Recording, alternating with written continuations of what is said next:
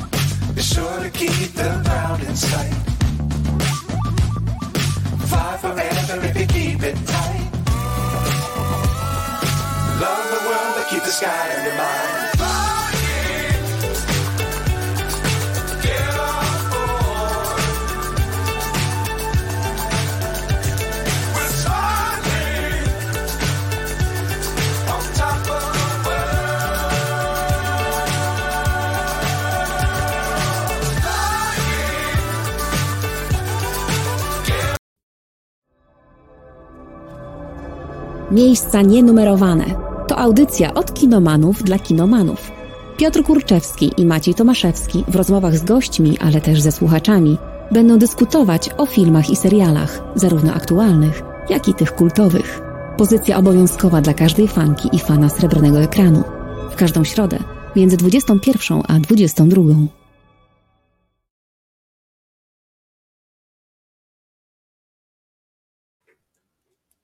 Jesteśmy.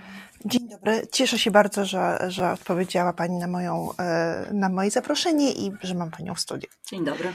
To jest Pani e, Marianna Wartecka, Fundacja Ocalenie. Witamy również Małgorzatę Tomczak, która jest z nami na łączach. Dzień dobry. Dzień dobry. Czyli my będziemy chyba trochę bliżej, bliżej Dobra. siebie usiądziemy, żeby, żeby nas wszystkie było widać. Ja, ja mogę być trochę... Ja się oddalę. Tak. Um, dziękuję, że, że przyjęłaś moje zaproszenie. To już jest, e, znaczy pewnie to nie jest ostatnie, bo będziemy często rozmawiać o migracji europejskiej i o tym, e, i o tym, co się dzieje w Europie w związku z migracją. Czy macie pierwsze swoje skojarzenia związane z tym, co się dzieje w Europie w ostatnich tygodniach? Poproszę z mojej najpierw. najpierw dobrze.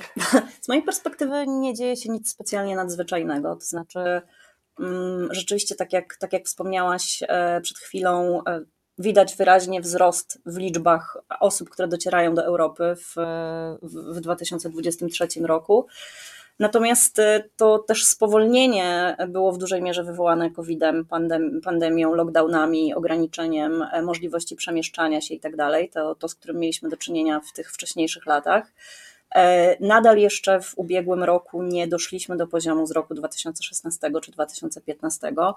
Mm, I te migracje, z którymi mamy w tej chwili do czynienia, są e, naturalnym rezultatem tego wstrzymania e, przepływu ludzi pomiędzy krajami, pomiędzy kontynentami, który, który był spowodowany e, właśnie ograniczeniami w podróżowaniu.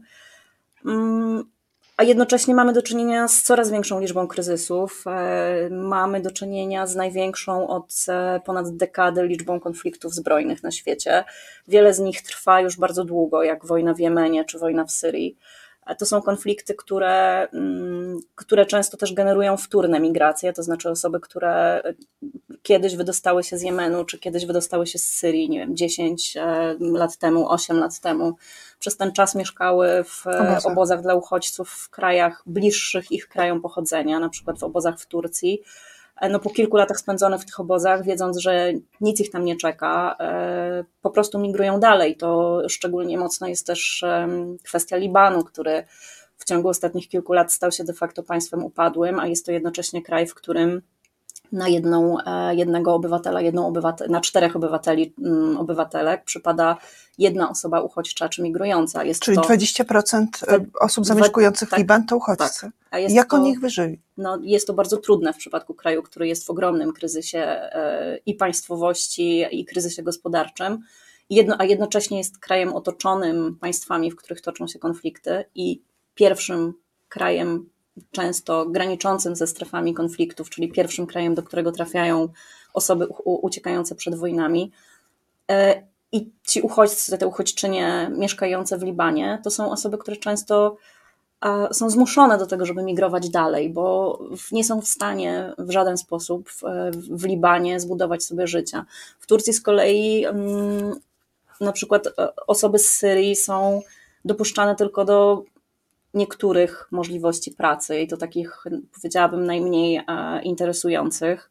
Ich możliwości edukacyjne są bardzo ograniczone. To, to też nie No jest sytuacja, no, która bo- pozwala im zbudować życie w tym kraju. Bo my nawet jeszcze nie wspomnieliśmy o tym, jak ile lat mają obozy Mhm. dla uchodźców w Turcji. To, to zależy od tego, które. Te najstarsze. te najstarsze tylko dla osób z Syrii? No e, nie, nie, to znaczy nie tylko z Syrii, ale mm. również z Afganistanu. No te, te dla osób z Syrii istnieją od początku wojny w Syrii, czyli od 13 lat już w tej chwili, jeśli dobrze liczę, mogę się, mogłam się pomylić. E, obozy w Libanie dla osób uciekających z Palestyny mają kilkadziesiąt lat. Mm, więc jakby to, to, to jest często tak, że w obozach dla uchodźców e, żyje już trzecie czy czwarte pokolenie osób, które urodziły się w obozach dla uchodźców, które e, nie mają żadnego statusu prawnego w tych krajach, w których te obozy są zlokalizowane, który pozwalałby im na budowanie tam życia, jakkolwiek. Żyją w permanentnym zawieszeniu i żyje tak już trzecie lub czwarte pokolenie. Ja chciałam zapytać Małgorzata, Małgorzata Tomczak, czy z e, Twojej perspektywy również nie dzieje się w tej chwili na kontynencie europejskim nic specjalnego, nie, jakby ty jesteś w Hiszpanii, obserwujesz to na, na wybrzeżu hiszpańskim, ale również obserwujesz to, co donoszą gazetę w całej Europie. Jak wygląda e, sytuacja? Tak, tak. E, myślę, że to jest bardzo ciekawe. Ja jednak mam trochę inne, e, inne przemyślenia na ten temat. Mam wrażenie, że przede wszystkim dzieje się to w ostatnich miesiącach, że wprowadzane są w kolejnych krajach kolejne ustawy zaostrzające coraz bardziej prawo migracyjne i prawo azylowe. Już nie mówiąc o pakcie o azylu i migracji, co do którego no jeszcze nie został przegłosowany, no ale zapadł ten pierwotny konsensus wokół niego w grudniu, który no jakoś jednak zaostrzy dość mocno to prawo azylowe, ma tak naprawdę jest sprzeczny w niektórych miejscach też z regułami konwencji e, genewskiej, no ma też się przyczynić do większej ilości, e, ilości deportacji. My za chwilę porozmawiamy ale też ustawy pakcie, właśnie, tak. Mhm, porozmawiamy o tym pakcie, dlatego że, że mam wrażenie, że opinia publiczna nie zna tych zapisów, bo jak się zwracamy w ogóle o, o mhm. przynajmniej surowy ten akt, to wszyscy mówią, że nie, że to jeszcze zostanie przegłosowane, że to nie jest ostateczna wersja, więc tak naprawdę to rozmawiamy o czymś, co jest a chciałam, chciałam e, Ciebie zapytać o to, e, właśnie o te, o te kolejne ustawy, które wchodzą w kolejnych krajach europejskich dotyczące migracji, no niezależnie no od aktu europejskiego. No właśnie, e, to też jest coś, co dzieje się już od, od co najmniej kilku miesięcy, czyli mamy mm, po pierwsze kolejne ustawy w Niemczech i kolejne porozumienia. E, z jednej strony zaostrzanie tych wszystkich świadczeń socjalnych dla osób ubiegających się o azyl, e, czyli coś, co według polityków niemieckich ma mm, no, jakby trochę ograniczyć ten tak zwany pull factor, czyli, czyli nie zachęcać osób do, do przyjazdu i do ubiegania się o azyl. Z drugiej strony są te wszystkie umowy deportacyjne, które teraz Niemcy zawierają z krajami trzecimi, czyli w tym momencie już jest zawarta umowa z Gruzją, z Mołdawią, E, była też ta tajna umowa z Irakiem, która ma mm, jeszcze, no, jeszcze raz usprawnić umowy, umowy mhm. deportacyjne z Gruzją? Niemcy e, zawierają umowy tak, deportacyjne. Tak, tak. E, Gruzja, Gruzja jest szóstym bodajże co do migranci z Gruzji. No, którzy, którzy tam wnioskowali w Niemczech o azyl, to była szósta grupa narodowościowa w, w poprzednim roku. E, no i praktycznie stopień uznawalności tych wniosków azylowych gdzieś tam się wahał od 0 do 1 e, i e, z Mołdawii wydaje mi się, że te liczby nie były aż tak duże, natomiast też ta uznawalność była prawie zerowa i Niemcy zawarły te umowy gdzieś, na, gdzieś tam na pograniczu grudnia i stycznia z oboma tymi krajami, żeby po prostu no, takie dwustronne umowy, na mocy których gdzieś tam Niemcy zobowiązują się, że będą wydawać więcej wiz i rozszerzą te legalne ścieżki migracji, czy na przykład też migracji sezonowej, zarobkowej, e, no a Gruzja i Mołdawia zobowiązują się do przyjmowania, do przyjmowania swoich obywateli z powrotem. I też taka podobna umowa, tylko akurat ona nie była, nie była jawna, o tym e, donosiły niemieckie media, została zawarta z Irakiem, czyli z krajem, z którego jest najwięcej e, osób, którym w tym momencie się odmawia już e, azylu w Niemczech. Też ten stopień uznawalności tych wniosków spada coraz bardziej. Jeszcze w zeszłym roku, w 2022, to było około 40%, a już w poprzednim to było niecałe 20%. E, no i też Niemcy mają ogromny problem z, z, z, deportacjami e, tych osób. E, bodajże w zeszłym roku było 26 tysięcy Irakijczyków i Irakijek, którym odmówiono ochrony, które powinni, którzy powinni być deportowani, a deportowano około 150 osób. Więc Niemcy próbują, próbują no gdzieś usprawniać te deportacje, tak, próbują gdzieś hamować te, jak to nazywają, czynniki, czynniki przyciągające. Mm, z drugiej strony mamy Francję, która teraz wprowadziła, wydaje mi się, że dosłownie wczoraj jakoś to prawo restrykcyjne też weszło w życie. Było w zeszłym tygodniu mm, weryfikowane przez Radę Konstytucyjną, no ale też prawo właśnie zaostrzające, ograniczające dostępy do świadczeń, no, takie prawo, które Marine Le Pen nazwała swoim ideologicznym zwycięstwem, czyli e, gdzieś mocno, mocno e, już w stronę, w stronę prawą e, skręcające.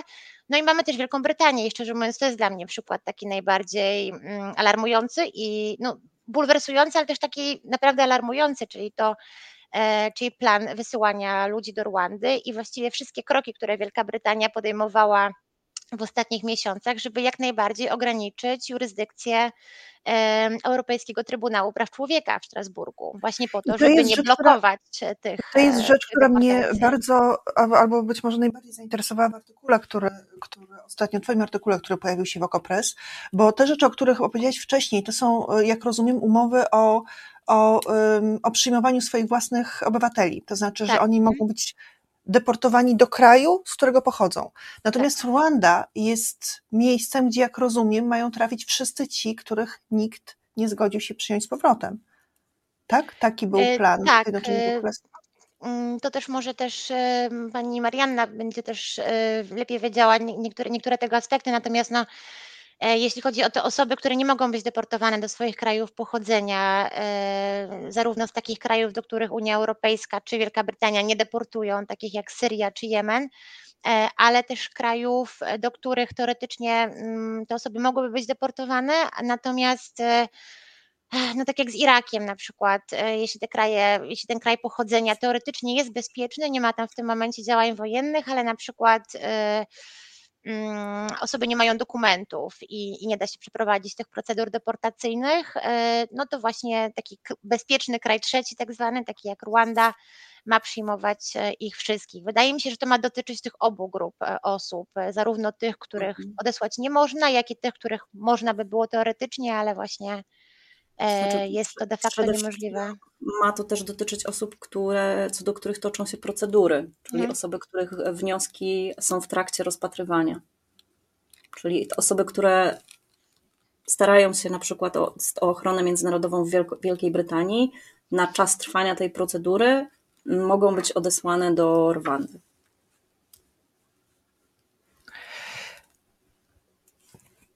To mnie ogromnie zadziwia, dlatego że pamiętam, że jednym z elementów, dla które, które podnosili ludzie, którzy wychodzili na ulicę w Niemczech po tym, jak, e, jak wyciekło do mediów, wyciekła do mediów informacja, że, że spotkanie e, ADF-u, który obecnie wyrasta na drugą ADF-u, czyli, y, czyli y, alternatywy dla Niemiec y, najbardziej prawicowego, nacjonalistycznego wręcz ugrupowania, które wyrasta na, na drugą siłę Niemiec, mając poparcie już ponad 20% tych, które, którzy zamierzają głosować w najbliższych, w najbliższych wyborach.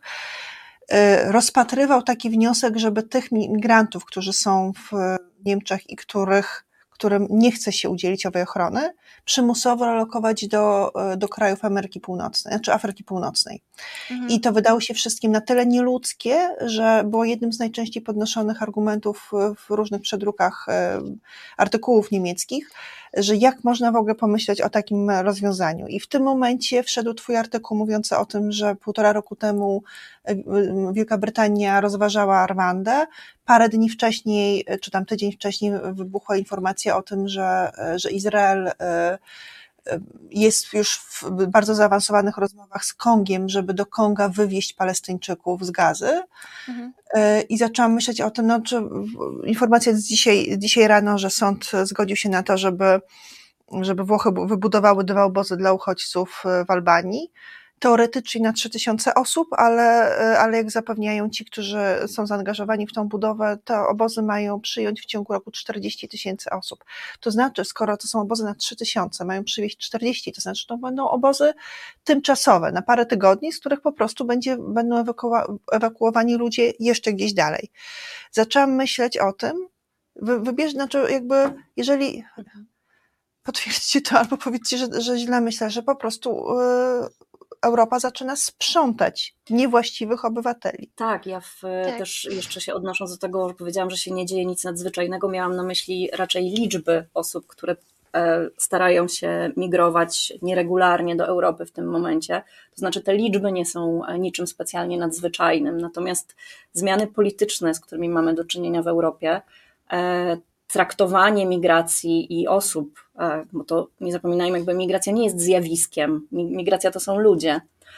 E, I, I traktowanie tych ludzi w sposób e, absolutnie dehumanizujący, w wielu przypadkach niezgodny z prawem, bo tutaj trochę nam się mm, cz- czasami za- zazębiają jakby dwa osobne tematy, to znaczy deportowanie e, Gruzinów e, do Gruzji, jeśli starali się o ochronę międzynarodową w Niemczech i jej nie otrzymali, e, jakkolwiek w kategoriach ludzkich można uznawać za okrutne, to jest całkowicie zgodne z prawem.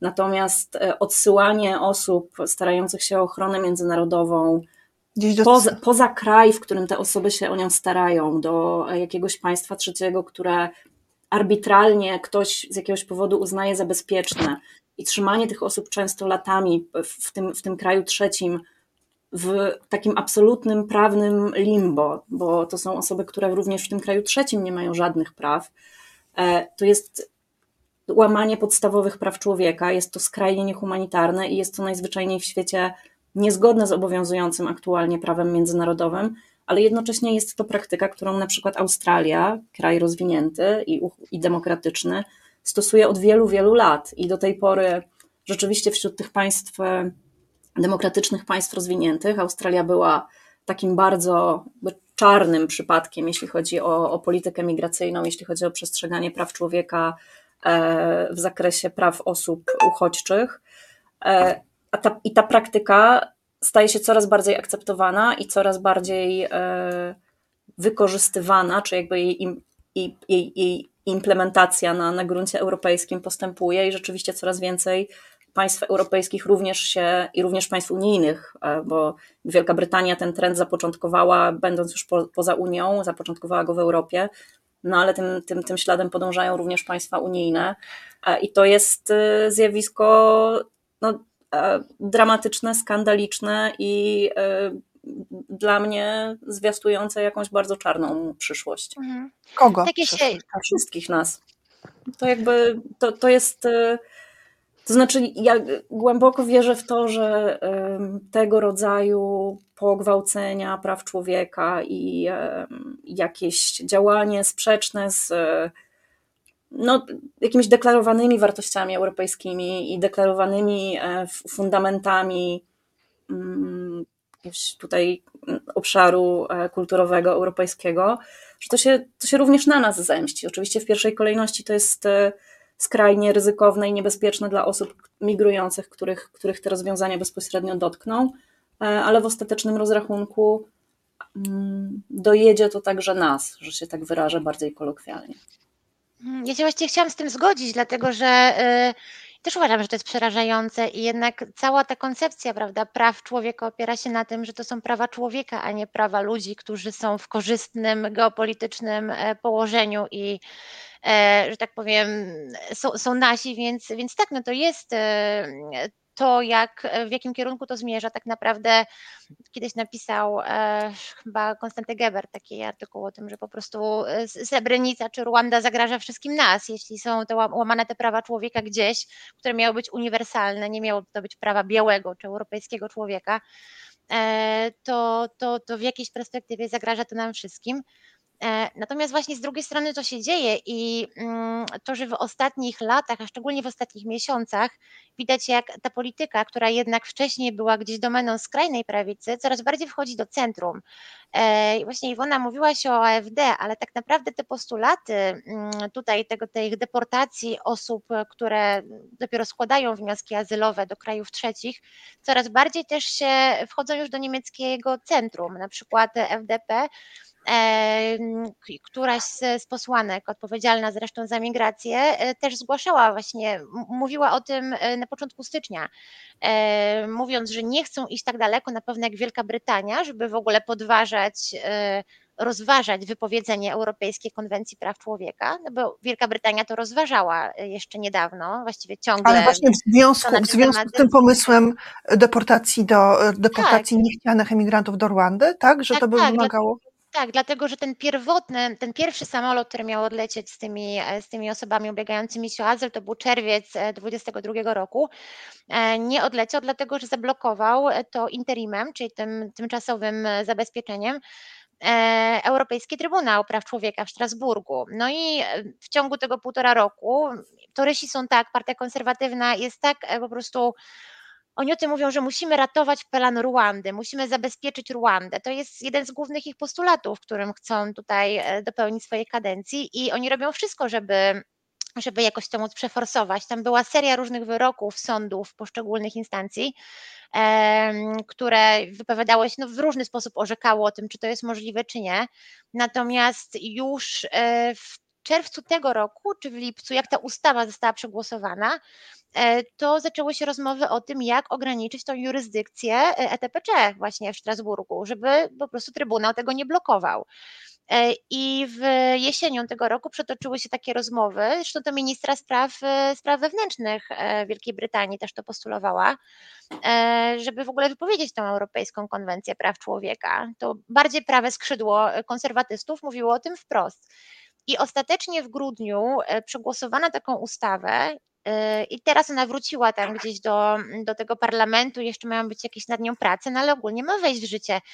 E, Tego, żeby ograniczyć jurysdykcję Trybunału w sprawach dotyczących migrantów. Czyli Trybunał nie będzie mógł wydawać tych, in, znaczy jeśli będzie wydawał te interimy zabezpieczające, tak sprawiające to, żeby te samoloty nie mogły odlecieć po prostu, e, to ministrowie będą mogli to na mocy tej ustawy e, ignorować.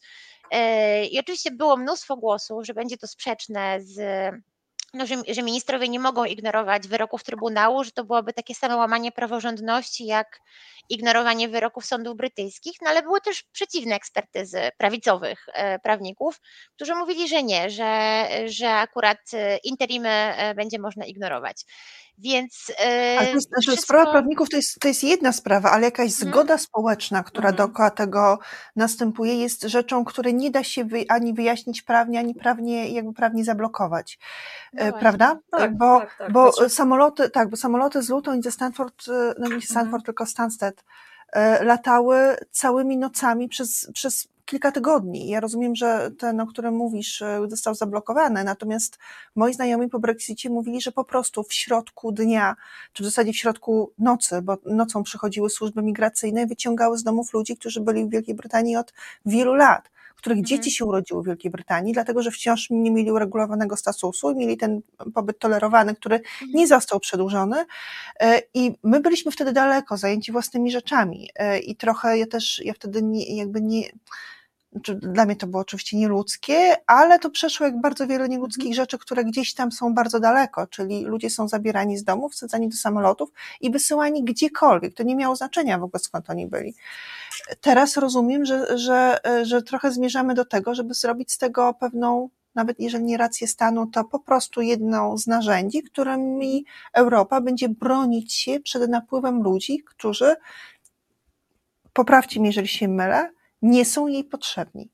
Tak, no jakby to jest e, coś, co od, od, od co najmniej um, kilku lat, bardzo już po prawie dziesięciu, bardzo wyraźnie obserwujemy, to jest e, akceptacja, normalizacja e, zjawisk czy rozwiązań, które są e, po prostu brutalne, okrutne, narażają e, zdrowie czy życie osób.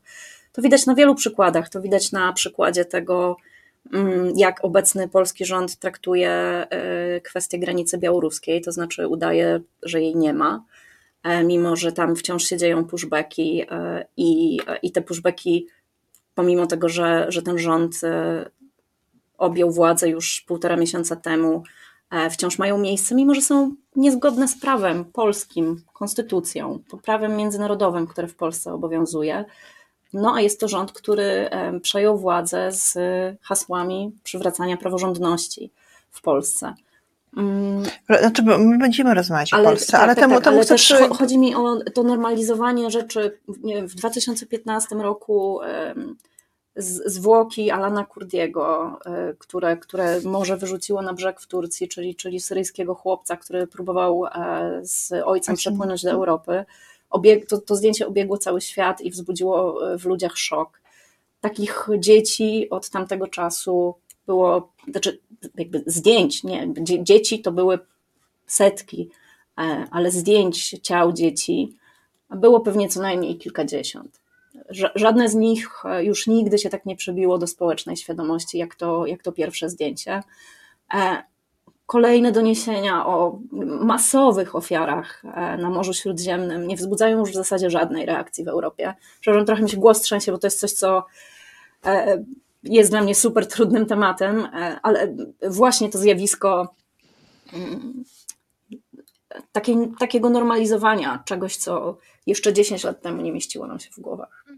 To jest z drugiej strony w pewnym sensie jednak niestety, wiem, że to jak to zabrzmi, ale naturalne, no to jest po prostu habituacja bodźca, to się, to się też tak nazywa, tak o ile ktoś faktycznie nie pracuje e, z, z tymi ludźmi, gdzieś nie, nie pomaga uchodźcom czy migrantom i, i, i nie obcuje z tym na co dzień e, i zna to tylko z doniesień medialnych, no to te pierwsze doniesienia faktycznie szokują, a kolejne już po prostu do kolejnych się po prostu już ludzie przyzwyczajają, więc to jest trochę podobnie też jak z, z przecież z wojną w Ukrainie. Gdzieś ta społeczna zmęczenie empatii następuje, przyzwyczajenie.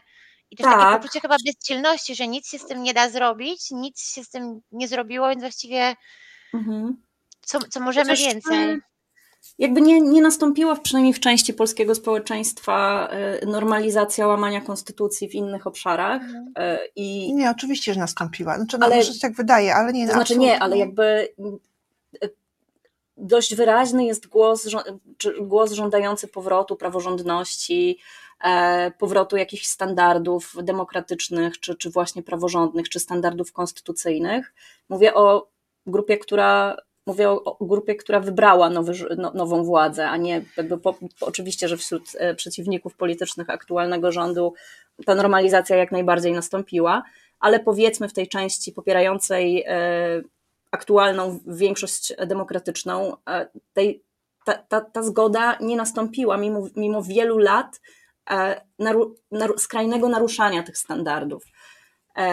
A w obszarze migracji o taką społeczną zgodę i o normalizację rozwiązań, które są sprzeczne z prawem i które są sprzeczne z podstawowymi prawami człowieka, mam poczucie niestety, że jest o wiele łatwiej.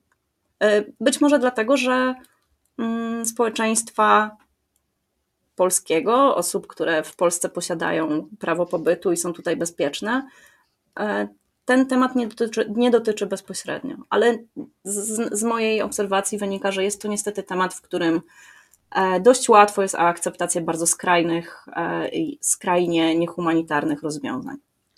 E, ja chciałabym na chwilę zastopować dyskusję w tym momencie i zacząć. Mogę prosić o chwilę przerwy. O, przepraszam Państwa, ale poproszę Was o 30 sekund na razie jakiejś planszy i za chwilę do Was wracamy, dobra? down the street with your red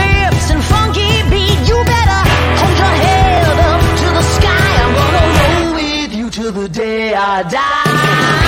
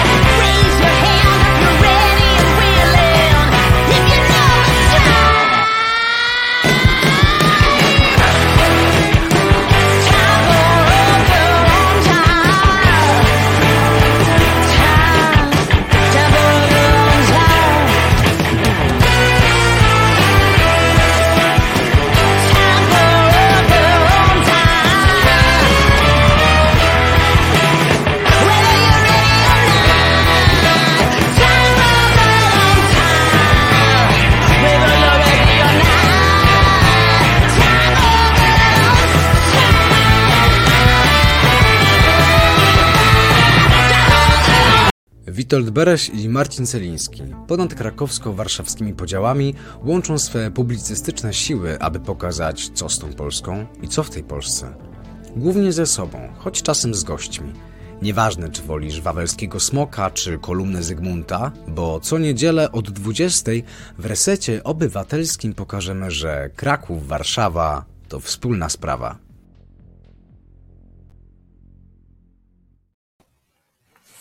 Dzień dobry, wracamy, wracamy do Państwa. Trochę się przegrupowaliśmy, przegrupowałyśmy, e, a ja chciałam poprosić Was e, o to, żebyśmy, obie Panie i również słuchacze, żebyśmy o Polsce porozmawiały w drugiej części programu, już za 20 minut. Na razie chciałabym, e, żebyśmy wszyscy mieli trochę tyle, ile się da, wiedzy na temat tego, co się dzieje w Europie i nie tylko jakie są nastroje, tylko żebyśmy wiedzieli, że Europa już się przygotowuje do tego, żeby tych migrantów mieć mniej, a tych, których już ma, żeby, żeby ich odsyłać.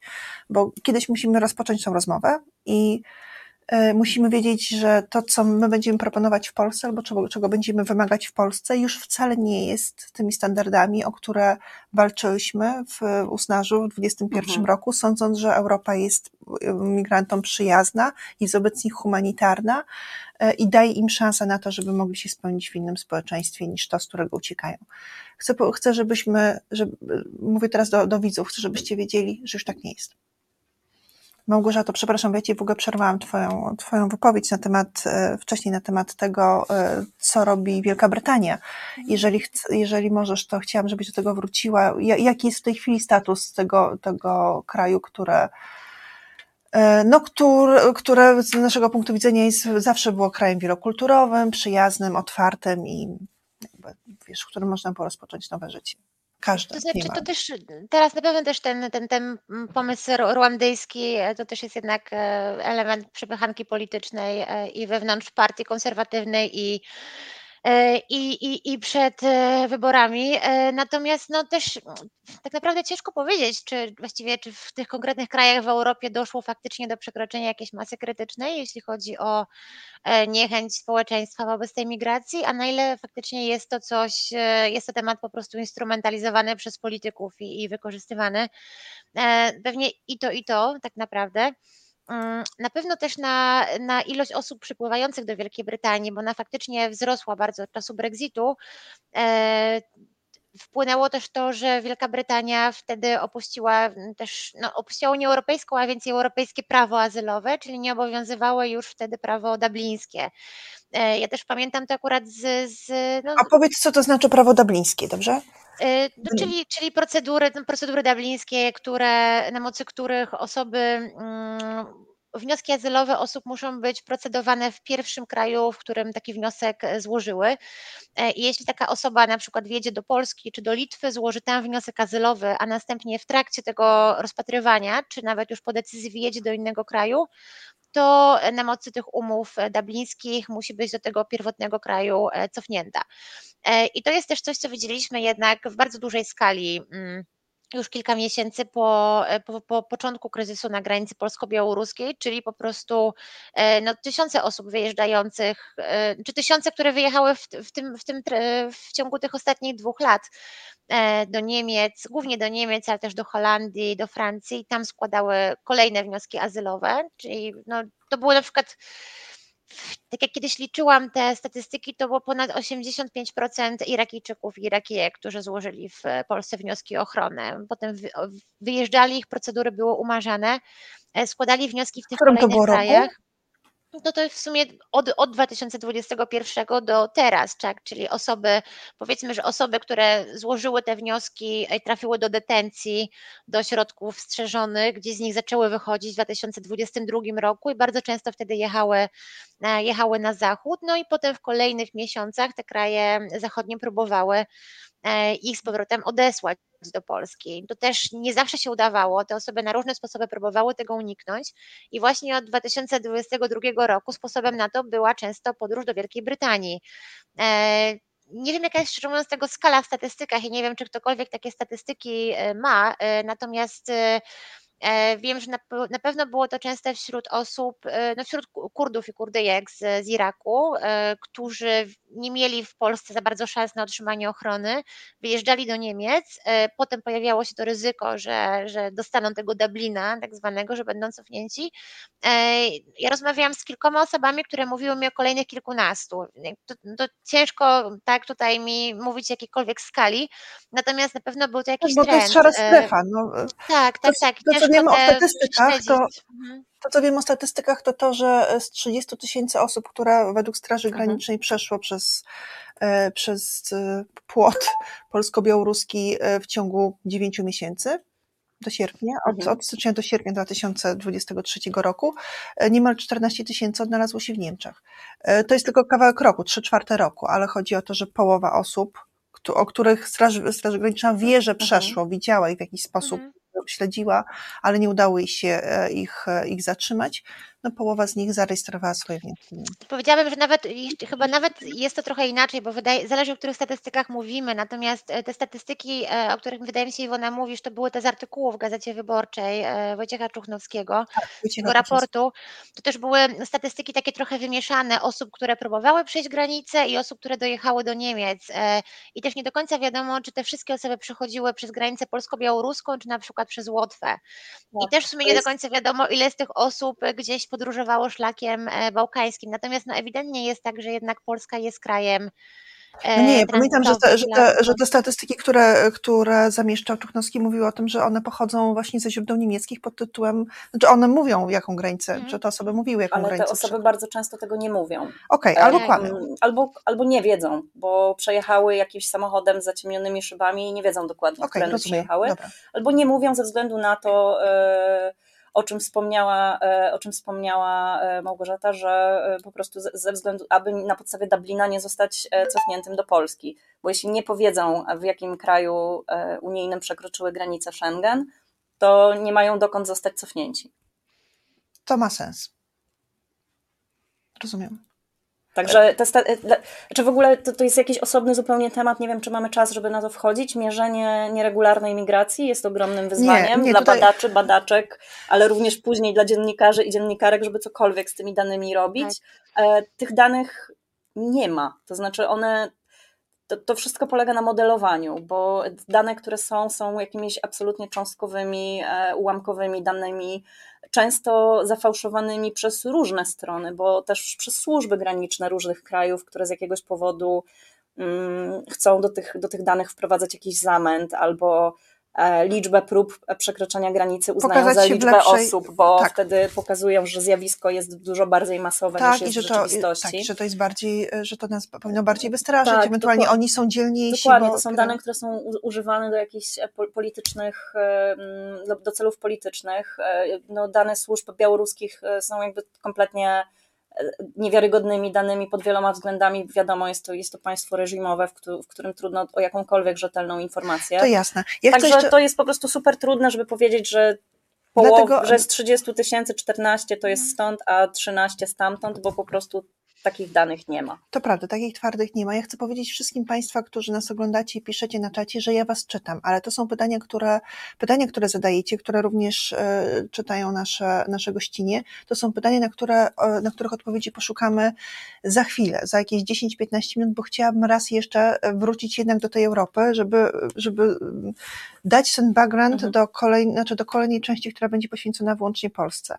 E, taka jest sytuacja w Wielkiej Brytanii, czyli, y, czyli jak rozumiem, powód, dla którego ludzie tam jeżdżą, to nie tylko socjal, ale głównie to, że, nie, że jakby że uciekają przed tak zwanym Dublinem, tak? Czyli cofnięcie ich do kraju, gdzie przekroczyli Myślę, że powodów granicę. jest mnóstwo, tak? Myślę, że też jednak takim powodem, o którym my często zapominamy, jest po prostu to, że ludzie jadą do swoich rodzin albo do swoich e, przyjaciół, że to są już jakieś kolejne fale migracji, e, które po prostu, w których po prostu ludzie dołączają do, do, swoich, do swojego rodzeństwa, do swoich małżonków, rodziców czy dzieci, których, którym udało się tam dostać wcześniej. I to jest też coś, jak ja kiedyś próbowałam, mm, tak trochę bardziej przeanalizować te różne case'y, case'y tych, te dublińskie, tak, tych osób, które gdzieś tam próbują, żeby ich do tej Polski nie cofnąć, co powiedziała mi jedna aktywistka, e, że no my tak mówimy o tych prawach dublińskich, jak zapobiec temu, żeby ci ludzie nie wyjeżdżali i że z jej perspektywy, no gdyby ona gdzieś jechała do swojej matki czy do siostry przez cały świat, to Dublin, nie Dublin, nic by jej nie powstrzymało.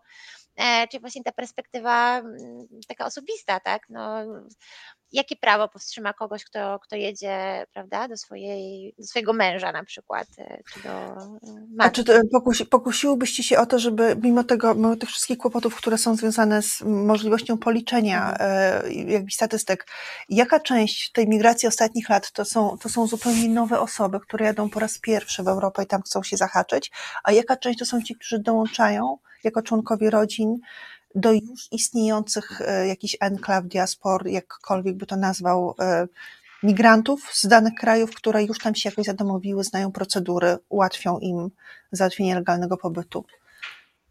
Marianna pewnie z racji swojej, e, swojej pracy będzie znała więcej takich case'ów, bo statystyk też na pewno, na pewno nie ma, ale no ja jak w mojej pracy gdzieś rozmawiając z tymi osobami, to były głównie takie osoby, które gdzieś do kogoś jechały, to niekoniecznie była najbliższa rodzina, czasami to była społeczność e, przyjaciół, e, ale bardzo często to byli na przykład rodzeństwo, tak, więc.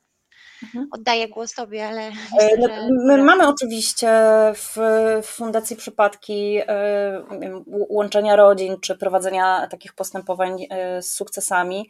To nie są częste sprawy, też dlatego, że w Polsce społeczności migranckie są jeszcze stosunkowo niewielkie, więc nie ma jeszcze tego zjawiska, że nie wiem, ktoś dołącza do, do swojego brata, siostry czy ojca mieszkającego w, w innym kraju od nie wiem, kilku, kilkunastu lat. Polska od, dopiero od kilku lat e, ma migrację netto, czyli więcej osób e, do nas przyjeżdża spoza granic Polski niż z Polski wyjeżdża do A to ciekawe krajów. określenie i w ogóle i ciekawe spostrzeżenie, że naprawdę? Naprawdę. Od e, od kilku lat. Nie, nie, nie, nie, nie przypomnę sobie w tej chwili dokładnego roku, w którym to się przełamało, ale to jest na pewno mniej niż 10 lat. Także jesteśmy bardzo y, jakby świeżym krajem docelowym, mhm. więc pewnych zjawisk, które w Europie, w, jakby w państwach starej Unii czy w Wielkiej Brytanii występują dość powszechnie, u nas jeszcze tych zjawisk nie ma. I więc świetnie to, co mówisz, bo to jest powód, dla którego, e, dla którego rozmawiamy, że my jesteśmy może nie tyle na progu, bo już to się dzieje, ale jesteśmy na, na, na, na ścieżce startowej i możemy uniknąć błędów, jeżeli je jeżeli dostrzeżemy w postępowaniu różnych krajów błędy. E, to nie jest program o błędach, to jest tylko program o tym, jak sobie próbują poradzić kraje, które zauważyły, że na przykład błędem jest to, że przyjęły tych migrantów zbyt dużo i w jakiś sposób oni są dla nich, przepraszam za to straszne wyrażenie, nieprzydatni i, e, i jakby realizują plany, czy snują plany, albo nie tylko snują, tylko również budują obozy poza Europę, żeby tych ludzi od siebie po prostu odsyłać. To jest dla mnie przerażające ale dobra, to nie o, nie o przerażenie chodzi, to chodzi o to, y, jaka jest, jakie wdrożyły procedury.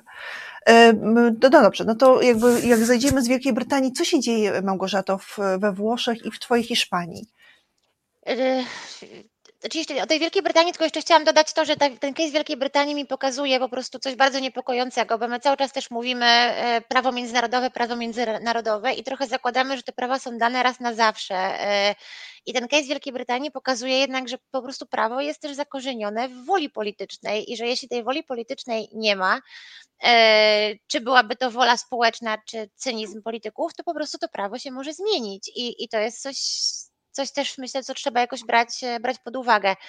E, no jeśli chodzi o Włochy, to z tego, co, z tego co wiem, to dzisiaj e, faktycznie, faktycznie jest teraz ten, ten projekt. Wydaje mi się, że to jeszcze jest projekt, że to jeszcze nie było poddane pod głosowanie w każdym razie w, w Albanii ten, e, ten, e, no bo to jest jednak umowa dwóch krajów, e, czyli właśnie Tak, ale już ją, już ją ratyfikował, dzisiaj ratyfikował ją sąd. Okej, okay, może, tym, że... to też jakby sąd, ustawa, tutaj też systemy dwóch krajów to muszą zaakceptować. No z tego co, co rozumiem, tak jak mówiłaś Iwona, około 40 tysięcy rocznie ma, ma tam ma tam być przekazywanych Albanii. To już jest któryś raz, kiedy Albania się w ogóle pojawia w kontekście tych krajów bezpiecznych, trzecich, do których miałoby, mieliby trafiać e, osoby w procedurach azylowych. E, wydaje mi się, że Niemcy też, jacyś politycy niemieccy też wspominali o Albanii. E, inni politycy niemieccy wspominali również o krajach Afryki Północnej i też właśnie o tej Rwandzie, tak? To był jakiś polityk FDP, który kilka tygodni temu mówił o tym, że, czy polityczka, o tym, że ten, tego pomysłu Rwandy nie należy też wykluczać, jeśli chodzi w przypadku Niemiec. E, więc, Boże, ale dlaczego, dlaczego Rwanda? Bo to jest tak daleko? Znaczy w ogóle dlaczego nie, dlaczego nie kraje, wiesz, nie kraje Magrebu? Dlaczego nie wybrzeże? Rozumiem, że chodzi o to, żeby fizycznie wywieźć ich tak daleko, żeby na piechotę nie mogli wrócić. To też chyba zależy od, no bo do krajów Magrebu, w krajach Magrebu też przecież y, i inne kraje mają umowy z krajami mhm. Magrebu, tak? Hiszpania ma taką umowę z Marokiem, akurat nie taką. Powiedzmy Maroko po prostu jest bramkarzem, jednym z bramkarzy do Europy i ma tam zatrzymywać e, tych wszystkich ludzi, e, którzy chcieliby się przedostać do, do Europy, zarówno na granicy lądowej z tymi eksklawami hiszpańskimi, jak i, e, jak i E, ma powstrzymywać próby wypłynięcia czy na Atlantyk, na Wyspy Kanaryjskie, czy do Andaluzji. E, no oczywiście też umowy Włoch z Libią, umowy Włoch z Tunezją, tak. umowy Unii Europejskiej z, z Turcją, więc tak naprawdę mm, no tak, no to, to, to jest jakieś takie powielenie, dlaczego akurat Ruanda, na pewno jest jakiś powód. Szczerze mówiąc, yy, nie wiem, czy to wynika z jakichś szczególnych powiązań po prostu Wielkiej Brytanii z Ruandą, czy z jakichś, yy, z jakichś umów. Dla Ruandy też to jest atrakcyjne, no bo po prostu Wielka Brytania będzie za to płacić. Natomiast wiem, że tam były, mm, wiem, że Sąd Najwyższy ostatecznie blokując tymczasowo, to tylko Sąd Najwyższy Wielkiej Brytanii, nie, nie TPC, e, blokując ten pomysł ruandyjski, mówił, że on jest do wprowadzenia w przyszłości, natomiast trzeba też, e, że Ruanda też w tym momencie nie jest do końca stabilna. To też nie jest tak, że to jest jakieś bardzo niebezpieczne państwo w porównaniu z innymi, natomiast no, faktycznie jest tam ryzyko. Jest ryzyko tego, że te osoby będą deportowane z, z Ruandy do tych swoich krajów pochodzenia, które nie będą bezpieczne. E, I również jakieś potencjalne ryzyko e, niestabilności politycznej tam, które może wpłynąć na, na ich sytuację. Czyli w sumie to, co się dzieje tak naprawdę w Turcji, tak? Czyli Turcja jest uznana za kraj bezpieczny dla wielu narodowości. Ludzie, którzy dopływają do Grecji, na przykład z, z Afganistanu czy z Syrii, mogą być automaty- czy są automatycznie cofani do, do Turcji. Turcja jest uznana za kraj bezpieczny dla tych narodowości. I który, któremu Euro- Unia Europejska zwyczajnie płaci za utrzymywanie Tak, tak, tak. I to wielkie pieniądze. To też warto podkreślić, Turcja, przepraszam, tak. przepraszam, że przerwę cię na chwilę, ale to też warto podkreślić, że to, o czym mówimy i co, co brzmi w naszych, jakby w mojej głowie brzmi strasznie, jest rzeczą, która się dzieje od bardzo, bardzo wielu lat, tylko jakoś specjalnie o tym nie rozmawialiśmy w takim kontekście, że wiemy, że, że nasze pieniądze, które wchodzą do budżetu Unii, są wydatkowane między innymi na to, żeby Erdogan utrzymywał obozy dla uchodźców i nie pozwalał im się przedostać do strony Unii. Mhm. Erdogan oczywiście tymi obozami gra, pamiętamy tę sytuację z 2018 roku? Kiedy, kiedy, którego? 20, to było tuż przed wybuchem mhm. pandemii, e, luty czy tak. marzec, 20 rok na granicy lądowej. Opowiedz, co się wtedy wydarzyło? Znaczy, jak, jak grają kraje, które, które mają, znaczy, które są opłacane jako ci bramkarze? No to jest też ciekawe właśnie, bo to było trochę preludium do tego, co się wydarzyło e, u nas e, później, tak? Czyli e, w pewnym momencie no Turcja chcąc jakoś renegocjować to porozumienie sprzed czterech lat, 2016 roku, które zawarła wtedy Unia o to powstrzymywanie migrantów, po prostu z różnymi kanałami doprowadziła do tego, że na tą granicę grecko-turecką przybyło kilkanaście czy dwadzieścia kilka tysięcy E, osób. E, to Turcja przeprowadziła różnymi kanałami kampanię e, mówiącą o tym, że granice zostały otwarte, że ludzie mogą się przedostać do Unii Europejskiej, no i ci ludzie, którzy tam po prostu przybywają od lat, tak jak Marianna też wspominała, mm, którzy po prostu próbują jakoś polepszyć swoje życie przedostać się do Europy, ruszyli tam masowo i Grecja przywitała ich no bardzo brutalnie. Tam, tam poszły różne armaty, armatki wodne, no, przemoc, no po prostu nie, no nie, zostali, nie zostali wpuszczeni. Natomiast też to coś, coś, co jest ważne, coś wtedy zadziało, czyli Grecja wtedy bardzo arbitralnie oznajmiła, że nie będzie przez cztery tygodnie przyjmować żadnych wniosków azylowych. E, niektóre osoby, którym się udało przedostać, zostały zaaresztowane, w ogóle dostały potem jakieś wyroki więzienia i jakieś wielkie kary finansowe, a przecież za przekraczanie nieregularne granicy tak nie powinno być kryminalizowane. Natomiast Grecja wtedy zawiesiła to przyjmowanie tych wniosków azylowych od tak, I mm, to było coś takiego właściwie bez żadnego trybu, no bo prawo tego nie, prawo na to nie pozwala. Natomiast później ten pomysł, no bo wtedy zaczęto też rozmawiać o tym Europejskim Pakcie Azylowym, który jest teraz, tak, tak został teraz jakoś mhm. zatwierdzony wstępnie. I ten pomysł pół roku po tej sytuacji e, w Grecji e, pojawił się pierwszy szkic tego paktu azylowego. I ten, ten szkic zawierał właśnie rozwiązania na wypadek nagłej presji migracyjnej. I to było dosłownie kopiuj w klej tego, co się zadziało w tej Grecji. Czyli zawierał tam e, fragment o tym, że w przypadku nagłej presji migracyjnej kraje mogą zawieszać przyjmowanie wniosków azylowych na tam było 4 tygodnie czy miesiąc.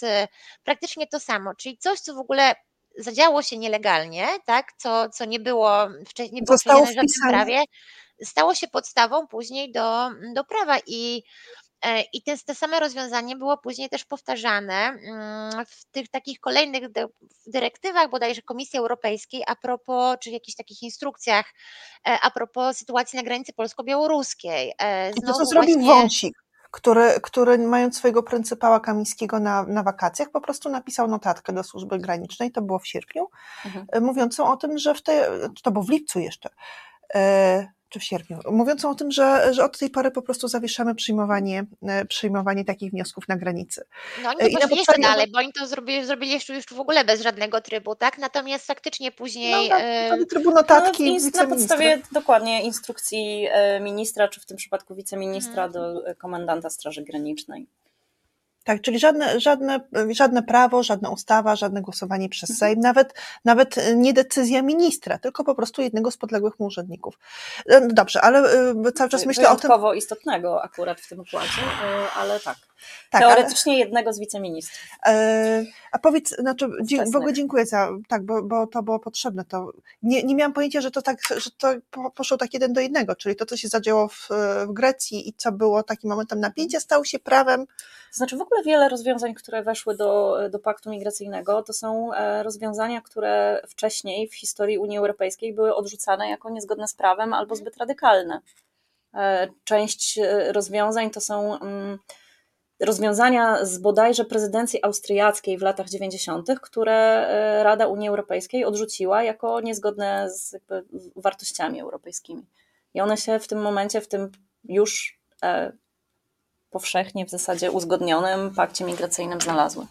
Tak. To jest e, zdecydowanie jakby idziemy w, w kierunku mm, zmniejszania, e, ograniczania praw, e, podważania, tak jak wspomniałaś wcześniej, że, jakby, że tak, no zdecydowanie jakby prawo międzynarodowe czy rozwiązania mm, przyjęte kilkadziesiąt lat temu e, w, w trosce o jakieś e, upowszechnianie idei praw człowieka, to nie jest coś, co jest dane raz na zawsze. E, I bardzo mocno w ostatnich latach, właśnie w przypadku osób migrujących, szczególnie migrujących w sposób nieregularny, mm, obserwujemy to, że te prawa są podważane i są im odbierane po prostu. To już nawet nie jest tak, że one są naruszane w pojedynczych przypadkach. One są po prostu odbierane już w tej chwili e, systemowymi, politycznymi rozwiązaniami.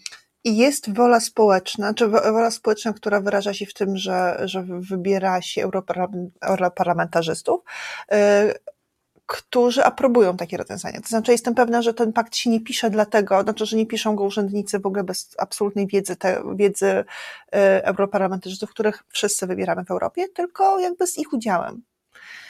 I też rządów, Prawda? tak? I akurat, akurat ten pierwszy, ta pierwsza wersja tego paktu azylowego, w której się zawarło to rozwiązanie greckie, e, bo to też nie było takie, to nie było takie oczywiste, że oni to przykopiowali, natomiast było dziennikarskie śledztwo, które przeprowadził taki grecki dziennikarz i analityk, który wykazywał krok po kroku, jak to rozwiązanie właśnie z tym zawieszeniem e, tych, tego, tego przyjmowania wniosków azylowych, no było uznawane za nieakceptowalne przez jakąś tam część Komisji Europejskiej, natomiast e, rządy kilku krajów, tam przedstawiciele kilku krajów, z czego akurat właśnie wszystkich krajów na wschodzie Unii Europejskiej, państwa bałtyckie, Polska, ale też oczywiście Węgry, ale również Rumunia czy, czy Bułgaria bardzo za tym optowały. Więc to, to były też kraje, które doprowadziły do tego, że to rozwiązanie nielegalne bez żadnego trybu stało się później, weszło później do, mm, do tego paktu europejskiego. No a tutaj pisze, że politycy tak postępują, bo społeczeństwo tak chce i to jest demokracja. E, I jakkolwiek twardo i, i smutno to nie brzmi, to tak właśnie to dokładnie wygląda. E, według Politico, który, który sprawdzał, jakie są nastroje społeczne związane z, przyszł, znaczy z e, wyborami do Europarlamentu, które się odbędą za kilka miesięcy, kilka, no, kilka miesięcy, skrajnie prawicowe ugrupowania oraz te prawicowe ugrupowania, oba dostaną o 40 mandatów więcej niż miały do tej pory. I to są, e, i to są ugrupowania, znaczy one się łączą w, w, w dwie różne wiązki, ale one są, oprócz tego, że są antyimigranckie, są również anty, antyeuropejskie. Mhm. E, jest jeszcze taka historia, którą przepraszam, bo w ogóle e, ja wiem, że być może niewiele wnosi w takich szczegółach, natomiast trochę mi uzmysławia uzmysławia to, nad czym powinniśmy pracować. To jest historia Zimmermansa, który, y, który y, był, znaczy był świetnym europarlamentarzystą i bardzo mocno pomagał Polsce w jej dbaniu o to, znaczy jakby hmm, opiekowaniu się tematem praworządności w Polsce. Mieliśmy w nim ogromnego, znaczy mieliśmy w nim wsparcie i człowieka, który naprawdę chciał dla nas dobrze. On zrezygnował z pracy w Europarlamencie, dlatego że okazało się, że w jego Holandii mogą przegrać kolejne wybory zieloni.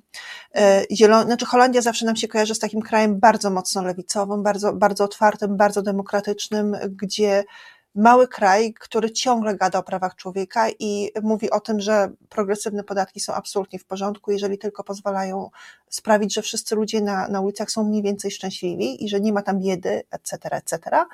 I uwaga, ci zieloni zaczęli mówić o tym, że trzeba szybko rozwiązać temat migracji, ale nie tyle rozwiązać, ile trzeba podnieść y, jakieś limity, znaczy mm, zmniejszyć limity y, migrantów, znaczy w tym sensie, że trzeba działać coraz bardziej twardą ręką wobec migrantów, bo nastroje społeczne są takie, że, że ludzie zaczynają widzieć, że, że z ich punktu widzenia ich za dużo, że gospodarka kraju, nawet jeżeli niespecjalnie to tak mocno odczuwa, to jednak jakby w, w liczbach to ludzi niepokoi. W rezultacie, jeżeli sami zieloni nie zmienią tego, tej polityki, to przyjdą po nich prawacy i ją zmienią tak, że nie będzie czego zbierać. E, I Timmermans wtedy porzucił w ogóle swoje stanowisko w, w Parlamencie Europejskim, wrócił do tego swojego małego, cudownego kraju i niestety, jakby mimo jego interwencji, e, Zieloni przegrali. I teraz e, Holandią będzie rządziła prawica. Bo to się właśnie stało. To znaczy, te rządy, które, które były zbyt ja nie wiem, czy mogę użyć określenia zbyt, ale te rządy, które łagodniej podchodziły do, migra do migracji, mówiły o prawach człowieka i o wartościach, po prostu zostały zmiecione głosami wyborców, do, do których należy ów Noe, który mówi o tym, że, e, że takie, tak społeczeństwo chce. E, zostały zmiecione z planszy, e, znaczy zostały zmiecione z, z parlamentu i na czele stanęli populiści i prawacy i osoby antymigranckie i antonijne. Dlatego o tym rozmawiamy i cieszę się, że jeszcze raz, że przyjęliście tą, przy, przyjęłyście to zaproszenie, wiedząc o tym, że nie rozwiążemy, ale też będziemy mówić o tym, jak i teraz chyba jest ten moment, kiedy kiedy możemy mówić o tym, jak, co powinna zrobić Polska w takiej sytuacji, nie tylko kierując się wartościami, ale również myśląc o tym, y, co będzie za kadencję czy za dwie. Przede wszystkim, tak możemy? Czy mhm. jeszcze jest coś, co, co sądzicie, że... Chciałam, że... Jeszcze chciałam dodać do tej polityki mhm. europejskiej, w sumie taki trochę może kontrprzykład, bo tak faktycznie cały czas się tak mówi o tym, że, e, że mm, ta migracja, e, wzrost tej migracji niekontrolowanej gdzieś tam daje paliwo tym partiom e, radykalnym, co w sumie jest też dla nich korzystne, żeby było jak najwięcej tej migracji, no bo to im, to im właśnie daje paliwo. E, ja jednak mam ten przykład z tego mojego poletka, czyli z tej Hiszpanii, gdzie rządzi lewica, e, wygrała wybory teraz, ostatnio. Oj, ale z problemami wygrała te wybory. Z problemami, ale nie, ale migracja nie była jednym z tych problemów, tam były inne, tam były inne problemy. Migracja tu w ogóle, szczerze mówiąc, jak na, to jest czwarty kraj w Europie pod względem wielkości migracji, jest też bardzo dużo tak zwanej, no, tych migrantów w drugim pokoleniu.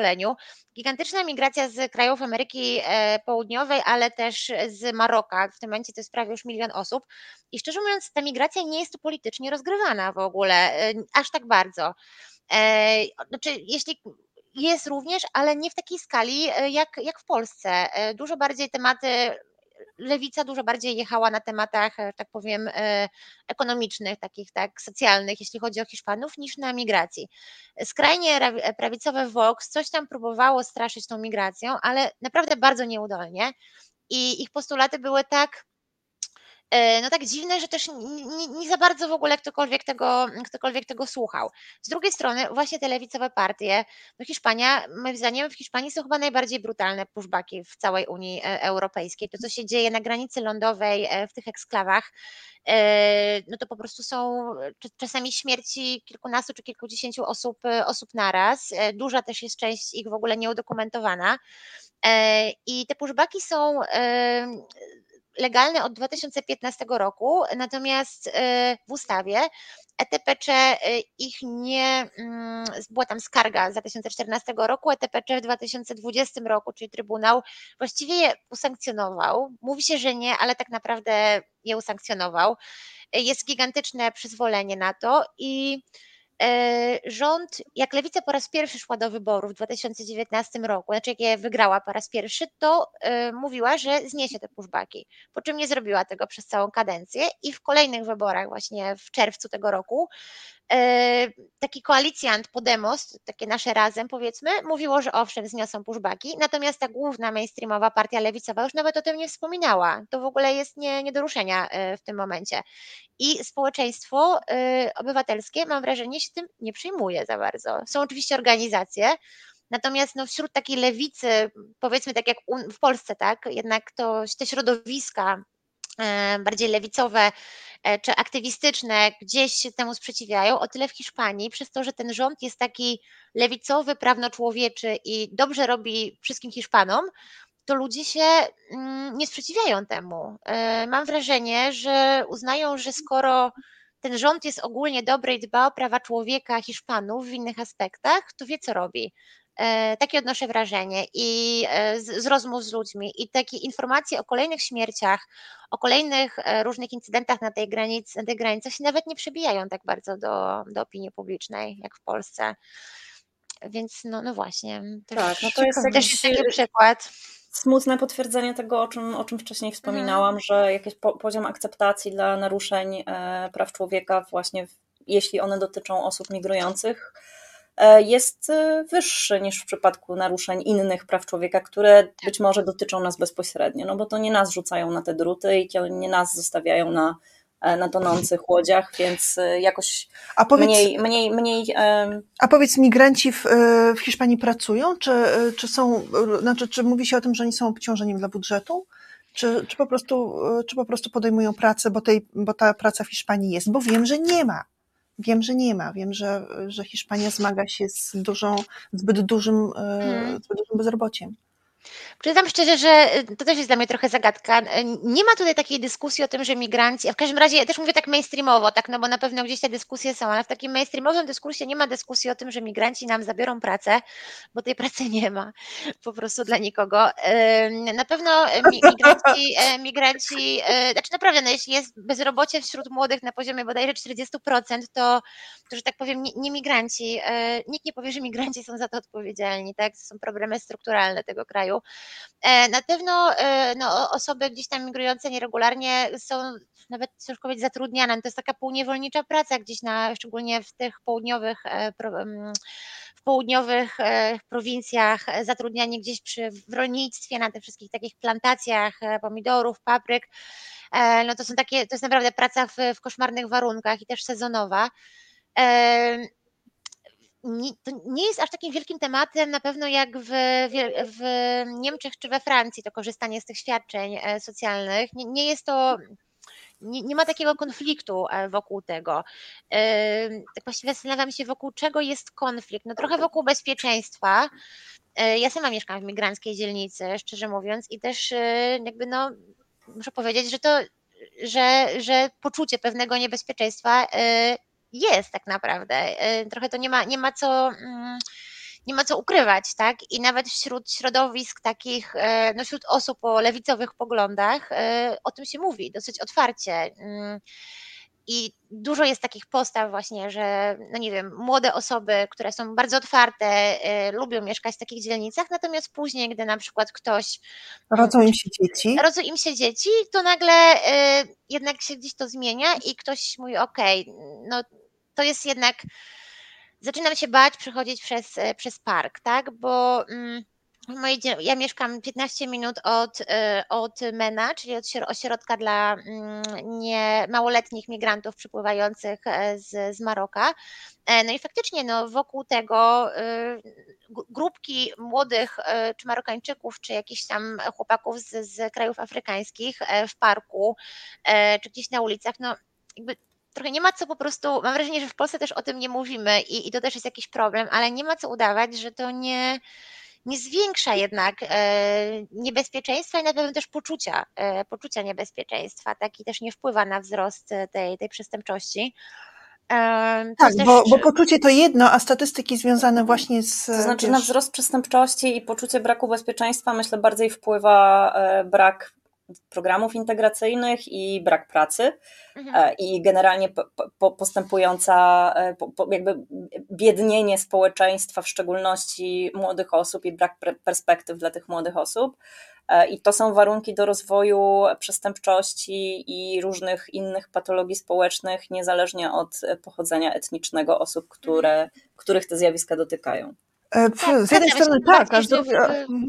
a z drugiej strony wiesz, ja dosyć jakoś czuję się bezpiecznie, chodzę po Pradze, nie wiem jak, jak inne, wiesz, inne obszary w, Ale na Pradze nie ma strukturalnego bezrobocia, Bezrobocia na poziomie biedy. 40 czy 50%. Są tam inne problemy, ale, ale jakby po, Polska się nie mierzy z pro, problemami strukturalnymi em, Biedy, tak. pokroju hiszpań, hisz- hiszpańskiego, Mhm. jeśli chodzi o właśnie problemy ze znalezieniem pracy, czy jakimś absolutnym brakiem perspektyw e, dla, dla wielu Tak. młodych osób.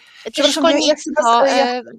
Przepraszam, e, to nie do Was, tylko do, do słuchaczy. Cały czas dobija się do nas Waldek mówiąc, mówiąc o Włoszech i o tym, że tam co roku przy, przybywa 150 tysięcy. Czy ktoś mógłby sprawdzić, ile, e, ile osób mieszka we Włoszech? Bo faktycznie Włochy są najbardziej obciążone. Zaczęliśmy od Włoch i od tego, że budują obozy w, e, w Albanii, E, ale też m, powinniśmy zacząć od tego, że to Włochy pierwsze chyba wymyśliły, że mogą opłacać się Libii za to, że, że libijscy piraci. To znaczy, czy ja mogę jedną tylko Tak, rzecz? A, mów. a, ad vocem, żaden kraj europejski nie jest krajem najbardziej obciążonym. E, Krajem najbardziej Mhm. obciążonym jest Liban. To już wspo- wspominałyśmy, że w Libanie 20% populacji to jest e, populacja mi- migrancka bądź uchodźcza. E, I by, a jednocześnie, jeśli, jeśli by te, e, wska, te, te liczby poprzeliczać na przykład na e, średnie wynagrodzenie w kraju, czy, czy PKB kraju, to żaden, żadne państwo rozwinięte nie jest państwem najbardziej obciążonym migracją, a migracja jest dużo większa pomiędzy państwami regionu niż, niż migracja, niż jest, jest transkontynentalna. To znaczy osoby z państw globalnego południa ogromnej większości migrują do innych państw globalnego południa, a nie do Europy. Więc jakby nie Włochy nie są krajem najbardziej obciążonym na W świecie Europie, tak. e, tematem, Mhm. e, tym problemem, tym jeśli uznajemy to za problem. Tak, tylko ja po prostu chciałam trochę zmienić tą perspektywę z naszej e- Tak, tak, e- że- że eurocentrycznej. Jesteśmy w bardzo uprzywilejowanej pozycji pod wieloma względami, również pod tym względem, że to nie Europa jest najbardziej, to nie Europa w największym stopniu doświadcza światowych kryzysów, e, z których wynika migracja. E, y, Dziękuję, dziękuję naszej producentce Izie Kiszczak, która jest też realizatorką i napisała nam, że, e, że Włochy mają 60 milionów e, mieszkańców, to znaczy, że co roku przybywa do nich e, 66 milionów e, 600 tysięcy. No tak, przybywa do nich 2,5%, nie, przepraszam, 1,5% e, mieszka- Populacji. Populacji. że też się bardzo zmienia te. te mm, Ja, przepraszam, bo ja też, też chcę Wam powiedzieć właśnie, to dobrze, że powiedziałeś, że najbardziej obciążona jest Afryka i, y, no, i Turcja też. I Liban. mhm. Liban. Uganda też, prawda? E, Chcę powiedzieć, że migracja w Stanach Zjednoczonych wynosi 6%. Nie ma chyba takiego kraju, który miałby 6% w Europie e, migrantów. I to też, są, to też jest, są powody niezadowolenia e, Amerykanów i, e, i powód, dla którego Trump, który jedzie na tym koniku, ma przewagę. E, Czy jest jeszcze coś, co powinniśmy powiedzieć Europie, zanim przejdziemy do Polski, bo ja już chcę do Polski. Y, ja właściwie też chciałam wspomnieć tylko, wspomnieć tylko o tym, o, o, mówiliśmy też o tych przyczynach i Marianna mówiła na początku o tych, e, no, no właśnie o tych wieloletnich, wieloletniej migracji, o wojnach, o konfliktach i o obozach, e, ale też tak naprawdę, i to jest coś, czego mi zawsze brakuje w tej dyskusji w Polsce, ja bym chciała wspomnieć o Rosji, e, jednak o tym, że Rosja tych migrantów po prostu sprowadza. I to jest coś, o czym my faktycznie gdzieś w tej lewicowo-liberalnej debacie mało mówiliśmy i wydaje mi się, że trzeba więcej, bo to nie jest oczywiście taka wielka skala, natomiast możliwości są, e, e, Rosji są trochę nieograniczone e, w tym aspekcie, mhm. tak? I wydawanie masowych wiz w tym momencie osobom i, i te, no ja akurat ostatnio pisałam o tym dwa teksty, trochę też na podstawie tego, co się działo na tych analizy tych forów migracyjnych, różnych migracyjnych czy, czy przemytników. I to też mm, no, no, no, to się jakoś tam zmienia, tak? Są różne fale, czasami więcej tych osób przyjeżdża, czasami Rosja nagle to zaczyna blokować to wydawanie tych wiz. Natomiast to też jest tak, że to jednak na tych naszych granicach i Finlandia, i kraje bałtyckie, i Polska, ten ruch jest E, no, no, jest jednak przez tą Rosję inżynierowany i mi się wydaje, że też musimy włączyć ten, e, nie unikać tego tematu, bo, no bo go i tak nie unikniemy. E, tak, tak. tylko uwaga, jest taka rzecz, która, którą ja kiedyś policzyłam. To był pierwszy moment, kiedy, kiedy wszyscy mówili o, nawet nie mówili o liczbach, znaczy chyba trochę o liczbach, ale generalnie o zjawisku pod tytułem mamy 2015 rok, gdzieś mniej więcej wiosna, za parę miesięcy wybory i jeden z paktów europejskich mówiący o tym, że Polska musi przyjąć 4000 migrantów. I to takich, których sobie wybierze, w ogóle białych, modlących się, jakichś tam pracowitych, na przykład kobiety z dziećmi, że generalnie po prostu prima sort uchodźcy, tacy jakich chcemy, jakich możemy przytulić do serca i wtedy jest wielki narodowy, e, narodowy e, pożar pod tytułem, wzbudzany oczywiście przez spis, e, pod tytułem Matko jedyna zdestabilizują nam państwo i policzyłam, że 4000 osób to jest jedna trybuna Legii, stadionu, który, który był wtedy parę, parę um, ulic ode mnie, jedna trybuna jedna trybuna. Dlatego, dlatego teraz przechodzimy do Polski. I chcę Was, obie Panie, zapytać, czy z Waszego punktu widzenia Polska ma problem z migracją? Na wielu poziomach, głównie z powodu braku jakichkolwiek rozwiązań systemowych oraz strategii migracyjnej, ale to jest problem Polski, a nie osób migrujących. A według, I według... przyczyna leży po stronie Polski, a nie po stronie osób migrujących. A według e, Ciebie, Małgorzato, czy Polska ma problem z migracją? E, to co, to, co mówiłaś od 2015 roku, Polska była krajem antymigracyjnym, w której skrajna prawica doszła do władzy strasząc migrantami, jak tam nie było migrantów, tak? Więc to, to jest, e, to jest no, też... Tym bardziej, wiesz, no raruk. No, tak, tak, raruk. ale też trochę pokazuje to, że niekoniecznie musi wpływać liczba migrantów na skrajną prawicę. Skrajna prawica poradzi sobie strasząc migrantami e, bez migrantów. Antisemityzm bez Żydów radzi sobie świetnie od kilkudziesięciu lat, więc myślę, że jakby tutaj pra polska prawica ma doświadczenie. W, tak, w i tak samo, tak samo Węgry. Natomiast jeśli chodzi, no, mi się wydaje, że jakby z jednej strony mamy przecież mamy uchodźstwo, takie imigrację z Ukrainy, z drugiej strony mamy sytuację na granicy polsko-białoruskiej, imigrację, która jednak nie idzie do nas w większości, czyli no, dla której jesteśmy krajem tranzytowym i to jest drugie zjawisko, a z jeszcze innej strony mamy przecież tą lukę na rynku, e, lukę podażową na rynku pracy, mamy też, ZUS też apelował o to, tak, że potrzebujemy e, do 2025 roku bodajże pół miliona migrantów i trochę nie ma pomysłu, jak zmapować te wszystkie, te wszystkie problemy. I mamy też to taką trochę prywatyzację y, migracji, czyli to, że, że właściwie firmy y, tak decydują trochę o tym, y, ilu migrantów przyjedzie, no gdzieś tam starając się o tych pracowników i te osoby faktycznie przyjeżdżają. A, a, a, właśnie, tak jak Marianna wspomniała, też nie ma tych polityk społecznych i, i, integracyjnych. Mam wrażenie jakiegoś wielkiego chaosu, że są jakieś różne rzeczy, które można by było, prawda, połączyć, różne potrzeby E, z różnymi zjawiskami, a właśnie a, no mhm. właśnie nie ma, nie ma tej polityki i, i tych pomysłów. To znaczy też dla mnie trochę są, to są w pewnym stopniu jednak rozłączne tematy. Sytuacja mhm. na granicy polsko-białoruskiej, a mm, takie bardziej e, systemowe czy globalne myślenie o migracji i Polsce. Tak, właśnie, bardzo chciałam, żeby ktoś o tym powiedział. Że... Na granicy białoruskiej mamy do czynienia przede wszystkim z kryzysem humanitarnym i z naruszeniami praw człowieka i złamaniem praw człowieka w zakresie prawa do ochrony międzynarodowej. E, i z nieregularną migracją, oczywiście, na z którą drugiej również strony- brakuje rozwiązań systemowych, ale jednocześnie liczebnie to jest bardzo mała skala, patrząc jakby na i na potrzeby Polski, polskiego rynku pracy, patrząc w ogóle na jakby na, e, na, na liczby osób migrujących do całej Unii Europejskiej, czy, czy nawet liczbę osób składających wnioski o ochronę międzynarodową w Unii Europejskiej, to e, za zeszły rok będzie ponad milion osób. No to w Polsce cały czas się poruszamy w jakichś e, dziesiątkach tysięcy i to od stosunkowo niedawna, jeśli chodzi o same wnioski o ochronę międzynarodową, nie o liczbę przyznanych oczywiście statusów uchodźcy, bo to jest znacznie niższe. I e, jak dochodzi do tysiąca, to, to, to rocznie to jest dużo.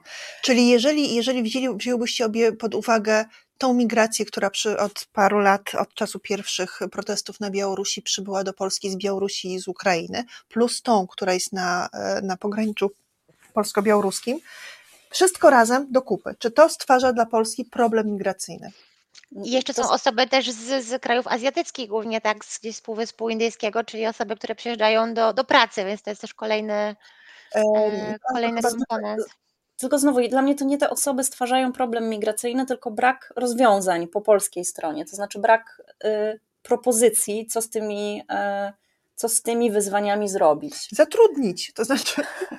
Nie, no nie da się wszystkich od razu zatrudnić. Ale nie, bo właśnie, właśnie to jest to, co, co, co ty powiedziałaś, co, co w ogóle dla mnie jest hiper ważną rzeczą. Jak my, jak my mówimy o migracji, to żeby nam się nie otwierało w głowie okienko pod tytułem problem, tylko błogosławieństwo, gdyż ponieważ to, co, się- jakby ta migracja, której doświadczyliśmy z Białorusi i z Ukrainy, postawiła nam w ciągu trzech lat z ust, na nogi.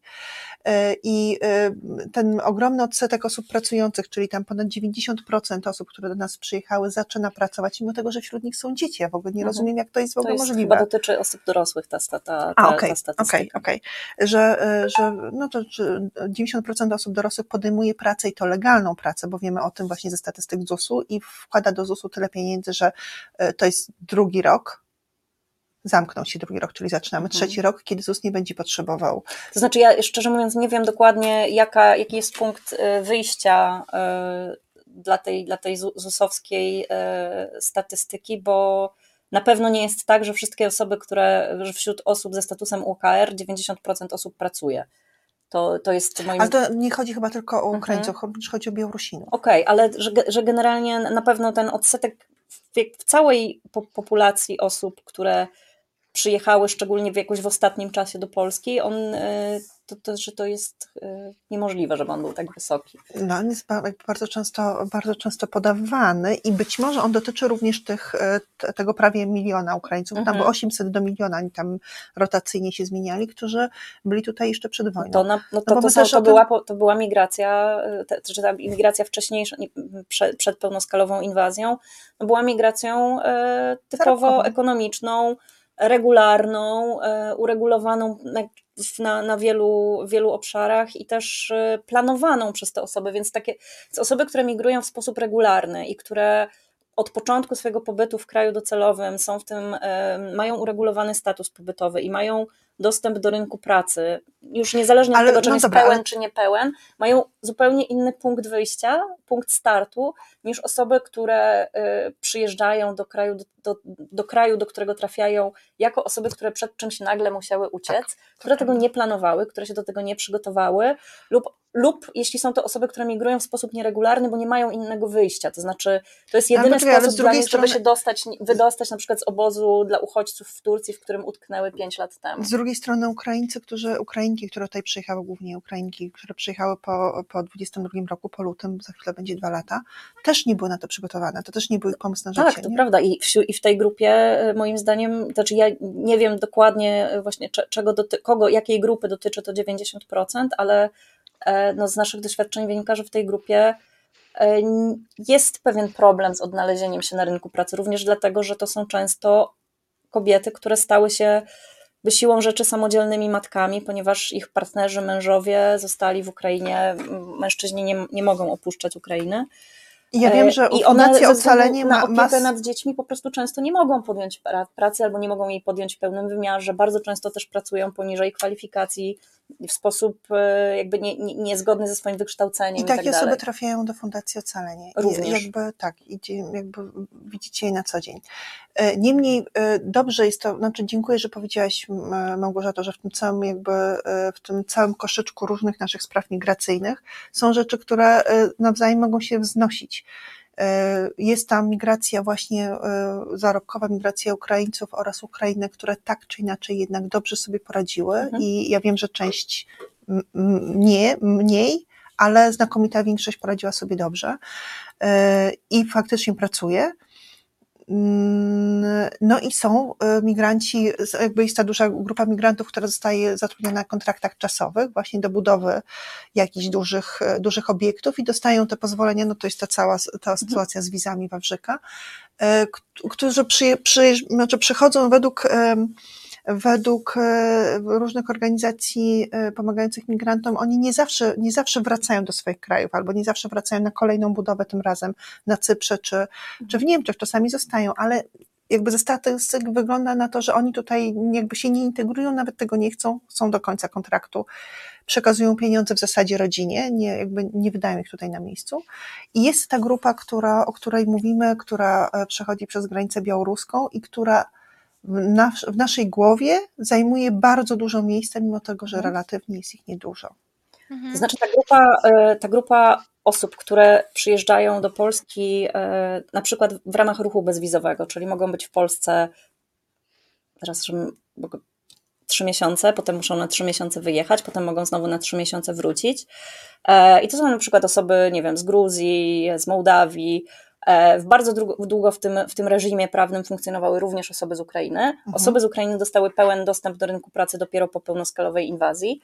E, I teraz na szczęście już go mają i to, o co organizacje mm, wspierające osoby migranckie i uchodźcze, takie jak nasza, apelowały od wielu lat, czyli żeby uwolnić dla osób z Ukrainy dostęp do rynku pracy, co było niemożliwe, e, stało się możliwe z dnia na dzień i nie spotkała nas z tego powodu żadna katastrofa, a wreszcie prawie dwóm milionom ludzi żyje się w Polsce lepiej, bezpieczniej i mogą swobodnie na tym rynku notujemy pracy wzrost funkcjonować. gospodarczy, notujemy oczywiście Mm, również no e, to, inflację, ale cały ale czas wskaźniki, duża grupa osób z innych krajów, właśnie na przykład takich jak Gruzja, Armenia, Mołdawia, e, przyjeżdża do Polski w ramach tego ruchu bezwizowego, który jest mm, koncepcją opartą na tym, moim zdaniem koncepcją dosyć patologiczną na wielu poziomach, opartą na tym, że my chcemy, żeby ludzie do nas przyjeżdżali na chwilę, przez chwilę e, odpowiadali na nasze potrzeby, jeśli chodzi o e, właśnie pracę, a potem sobie wyjadą i już więcej nie przyjadą. To znaczy, część z nich być może nie,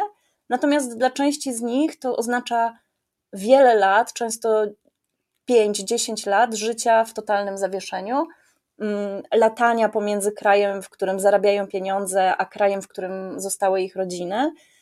I brakiem integracji, nie tyle dlatego, że te osoby tego nie chcą, tylko dlatego, że nie mają takiej możliwości. Bo jak są w Polsce, to pracują non-stop, bo mają ten ograniczony czas pobytu w Polsce, więc zajmują się wyłącznie pracą.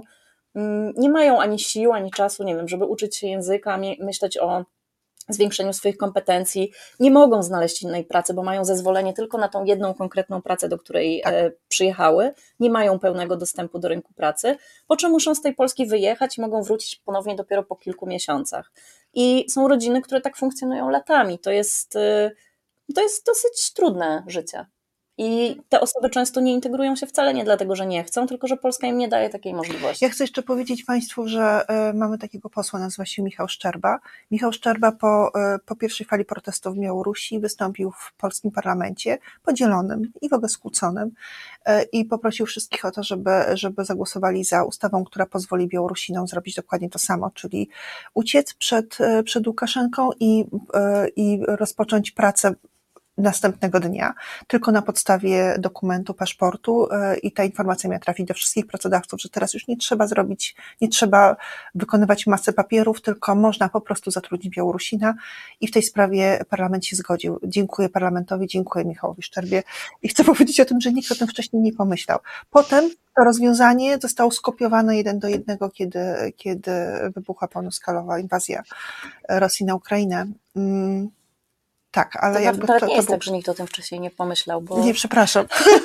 tylko nikt, wiesz co, mm, nikt, nie, nie, to, nie to było są- takiego człowieka w parlamencie, tak, który tak, by tak, powiedział, że to są "Ej, takie rzeczy, którymi y, nawet nas straszono być może, Że że, to nie możemy stanie. dać tego pełnego dostępu do, do rynku pracy osobom z takich czy innych krajów, bo to, nie wiem, sprawi, że Polacy nie będą mieli gdzie pracować i tak dalej. Okazało się, że no, żadnej katastrofy to nie wywołało, wręcz przeciwnie, wpłynęło z jednej strony bardzo pozytywnie na życie tych osób, bo wreszcie mogą się czuć bezpieczniej, mogą swobodnie zmieniać pracę, kiedy na przykład pracodawca im nie płaci.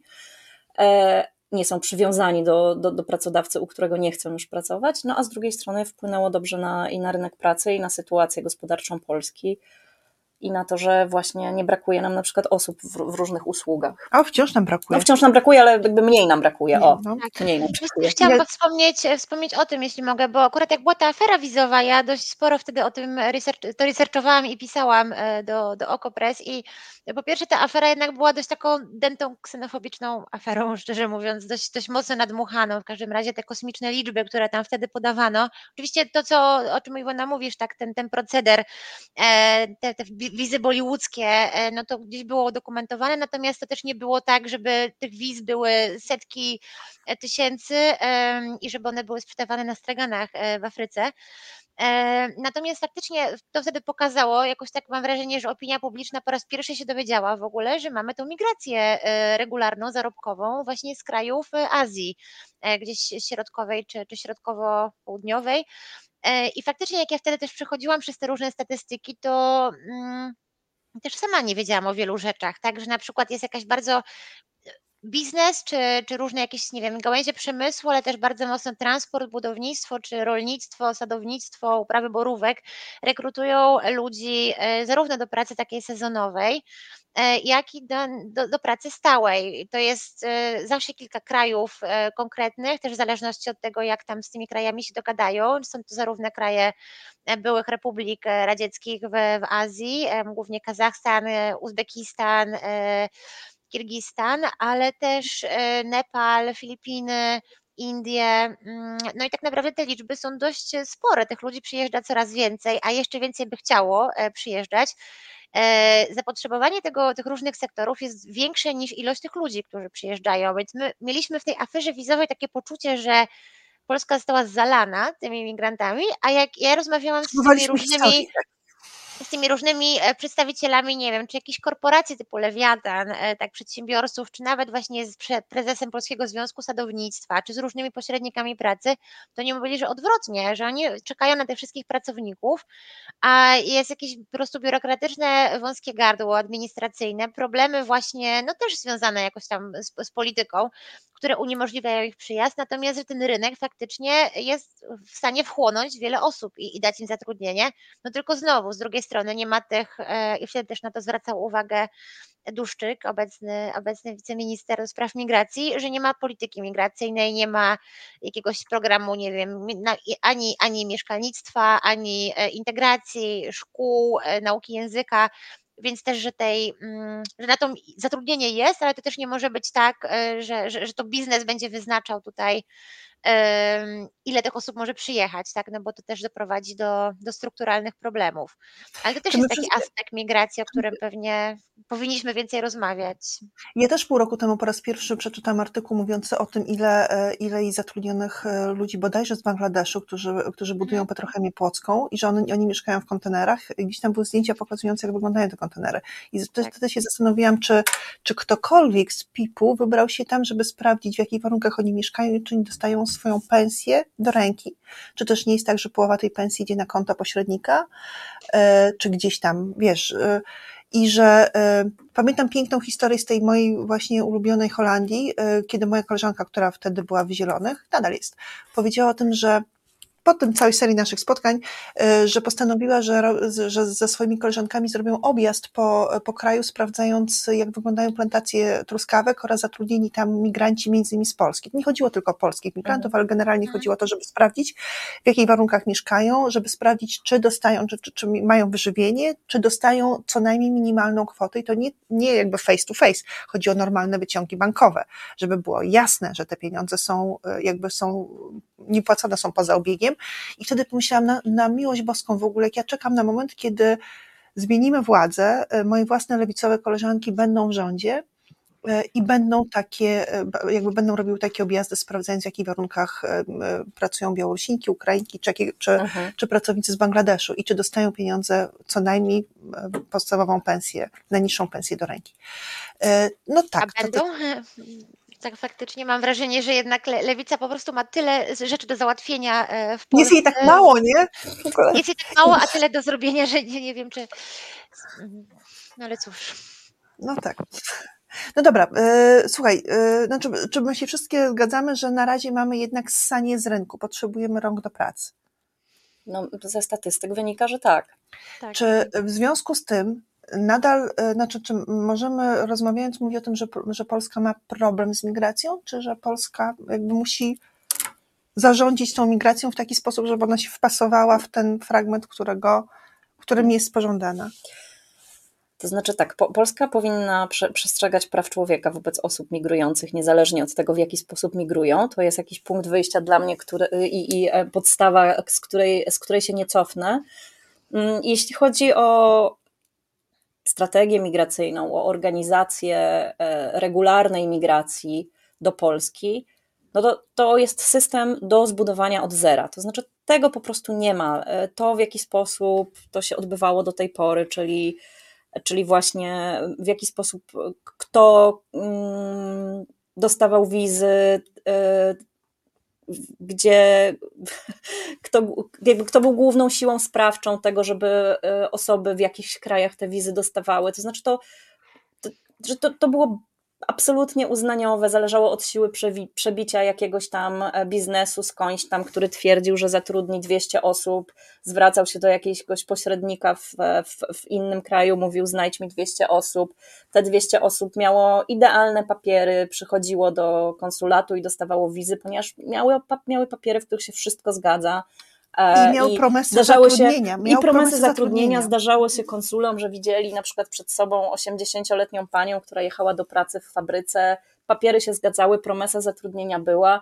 Pani dostawała wizę, bo konsul nie miał żadnych podstaw, żeby jej tej wizy odmówić. I ja się z tego bardzo cieszę, że ta pani, że tej pani, że ta pani tą wizę dostała i, i z tego kraju, z którego chciała wyjechać, wyjechała. No ale nie ma to nic wspólnego z, mm, z, z, z jakby i z, z, systemem czy polityką migracyjną e, i dobrze funkcjonującym systemem e, odpowiadającym na potrzeby na przykład rynku pracy w Polsce. Ja bym też bardzo nie chciała, żeby to był jedyny argument, którego używamy e, mówiąc o migracjach, to znaczy to jest je- jeden tylko z elementów, który trzeba uwzględniać myśląc o migracjach, planując migracje i tak dalej. No ale tego nie było, nawet, na, nawet do, tej pory, czyli, czyli kiedy, kiedy o tych migrantach, migrantkach e, polskie poprzednie władze myślały w sposób bardzo przedmiotowy i wyłącznie jako o, no, prze, przepraszam za wyrażenie, ale, ale taniej sile roboczej, niezbędnej nam do załatania jakichś luk na, na rynku pracy. Mm, to nawet pomimo tego, że takie było przede wszystkim podejście do tych osób, to i tak to nie funkcjonowało w sposób jak, jakkolwiek sensowny. E, I i tak generowało bardzo dużo patologii, właśnie dlatego, że nie, nie istniał i nie istnieje e, żaden system, nie istnieją rozwiązania systemowe, nie, istnie, nie ma strategii migracyjnej, e, nie ma jasnych, przejrzystych, transparentnych rozwiązań. Bardzo dużo jest po prostu po, pozostawiane uznaniowości takich czy innych urzędników, takich czy innych pośredników, i to się na pewno musi zmienić. Ale czy to się zmienia? Bo y, teraz zwracam się do Ciebie jako Mhm. członkini, znaczy jako To znaczy- doradczyni zespołu międzyparlamentarnego dotyczącego, Mhm. zajmującego się migracją. Nie, nie jestem, nie jestem do- doradczynią tego zespołu. Jesteś i- i jestem, ekspertką. jestem osobą, która z tym zespołem oczywiście współpracuje i się, i się z nim spotyka, kiedy jest też taka inicjatywa po stronie zespołu. E, no ale myślę, że jednak zręby polskiej polityki migracyjnej wykują się e, bardziej, szybciej się wykują w Ministerstwie pewnie Spraw Wewnętrznych i w jakichś departamentach, które podlegają obecnie ministrowi Duszczykowi, niż w zespole. Zespół może być bardziej takim e, może bezpiecznikiem, który kontroluje, czy te rozwiązania są dobre, są zgodne z prawem, są zgodne z jakimś duchem praw człowieka, natomiast pewnie efekt, bardziej efektywnie, szybciej i skuteczniej mm, no, będą działać urzędnicy ministerialni. Zresztą też tak powinno być. No, to, jest, mm, to, to jest to ramię odpowiedzialne za tworzenie prawa i tworzenie, tworzenie rozwiązań prawnych, y, rozporządzeń, ustaw i tak. E, więc my oczywiście już też dostaliśmy od, e, od ministra Duszczyka zapewnienie o tym, że ta strategia migracyjna będzie powstawać. Było to co prawda zapewnienie, które dostaliśmy w odpowiedzi na nasze, nasz apel o natychmiastowe wstrzymanie pushbacków i, i w tej sprawie nie dostaliśmy żadnych wiążących odpowiedzi e, ani, ani zobowiązań, e, ani w jedną, ani w drugą stronę. To znaczy, o, to ani nie moment. dostaliśmy informacji, że pushbacki zostaną wstrzymane, ani nie dostaliśmy informacji, że będą kontynuowane, ale dostaliśmy informację, że prace nad strategią migracyjną dla Polski rozpoczęły się i że strona społeczna będzie w tych pracach, głos strony społecznej będzie w tych pracach uwzględniany.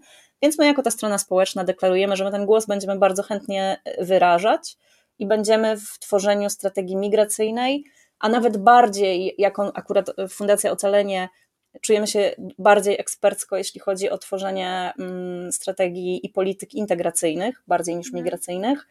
Będziemy, bardzo chcemy być w te procesy zaangażowani, bardzo nam zależy na tym, żeby te rozwiązania były e, i skuteczne, i, i odpowiadały na potrzeby polskiej, ale również e, chcemy być, chcemy dawać perspektywę osób, których to, te rozwiązania i te strategie bezpośrednio będą dotyczyć, czyli osób migrujących.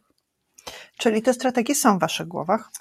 E, znaczy w naszych głowach są propozycje rozwiązań, które można by do tych strategii włożyć. Nie jesteśmy think tankiem, więc e, nie, i nie mamy zasobów na to, żeby stworzyć własnymi siłami strategię migracyjną czy integracyjną. Jesteśmy organizacją pomocową, której no 80% działań jest ładowanych w bezpośrednią pomoc osobom, które tej pomocy potrzebują i niestety nie przekierujemy teraz naszych prawników, prawniczek, psychologów, psycholożek i mentorów kulturowych na pisanie strategii integracyjnej, bo nie mieliby jak obsługiwać e, klientek i klientów. Ale to jest, a nie masz wrażenia, że to jest, wiesz, że to jest tak, że, e, że jakby nie możecie, e, przepraszam, to, to nie jest mhm. zarzut, ale że to jest właśnie ten moment, ale to jest kiedy ten moment. to się w ogóle zmienia tak, chcemy że... w tym procesie uczestniczyć jako doradczy, zewnętrzny głos ekspercki E, współpracujemy też oczywiście z innymi organizacjami o, o podobnym do naszego profilu, no ale od pisania strategii e, jest ministerstwo. My będziemy w, w tym procesie uczestniczyć bardzo chętnie,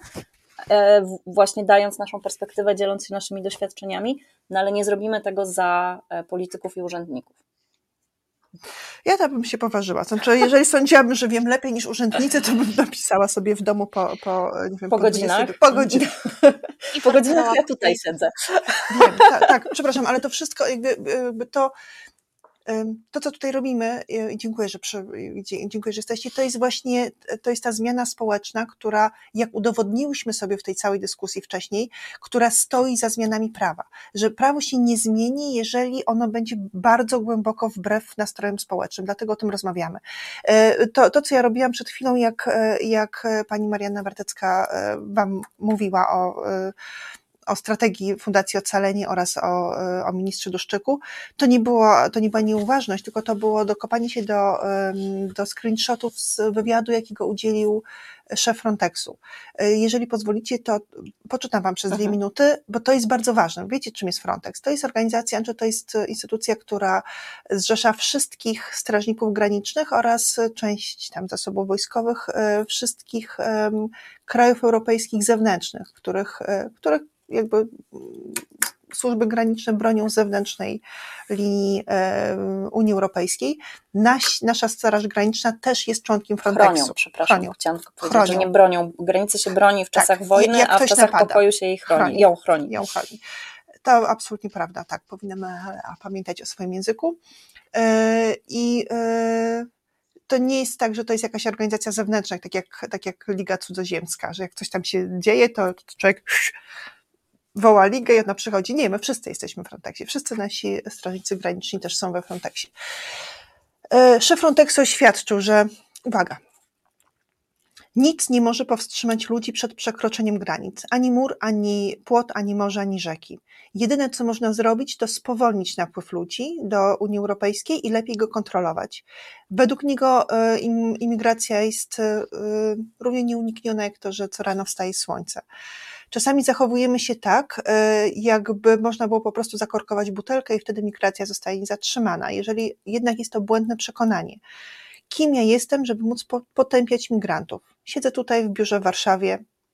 Oczywiście mógłbym to zrobić, czyli potępiać, ale to byłoby zbyt proste. Yy, Jego zdaniem nie możemy cały czas trzymać ludzi, podtrzymywać narrację o zatrzymywaniu ludzi i zamykaniu granic. Szef Frontexu, cokolwiek będziemy teraz mówić o tym, już nie będziemy mówić, bo mam bardzo mało czasu, ale może króciutko powiemy o tym europejskim planie i europejskiej, yy, europejskiej wspólnej zgodzie, to szef Frontexu uważa, że, yy, że nie możemy mówić, nie możemy podtrzymać narracji o, za, o zatrzymywaniu ludzi i zamykaniu granic. Moim zadaniem jest stworzenie równowagi pomiędzy skutecznym zarządzaniem granicami, a przestrzeganiem praw podstawowych, mówił.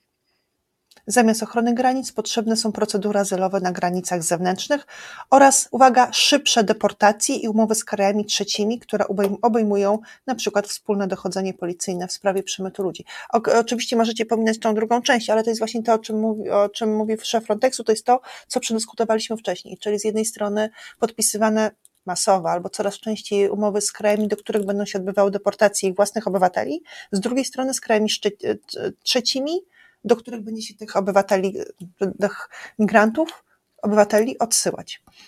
Mhm. Szef agencji unijnej nie wierzy w ochronę granic i chce stawiać na szybsze deportacje. Jeśli szef unijnej agencji Frontex nie wierzy w ochronę granic, cóż.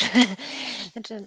No tak, ale z drugiej strony Leites mówi, że nie tylko chce zreformować Frontex, ale skierować debatę na E, na tor e, więcej człowieczeństwa, mniej strachu przed obcymi, mniej uprzedzeń. Mhm. E, I z jego punktu widzenia te rzeczy się nie wykluczają.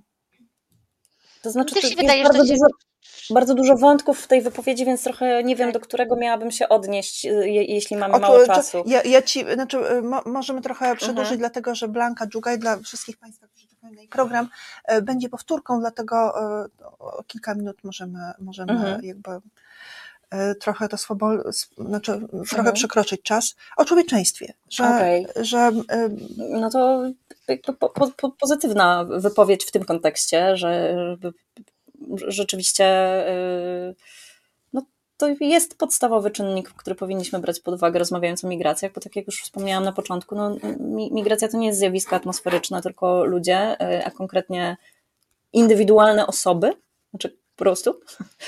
Każda z nich ma swoją historię, każda z nich ma swój powód, dla którego zdecydowała się, się na, na migrację i jeśli migruje nieregularnie, to um, większość z tych powodów jest y, niespecjalnie wesoła.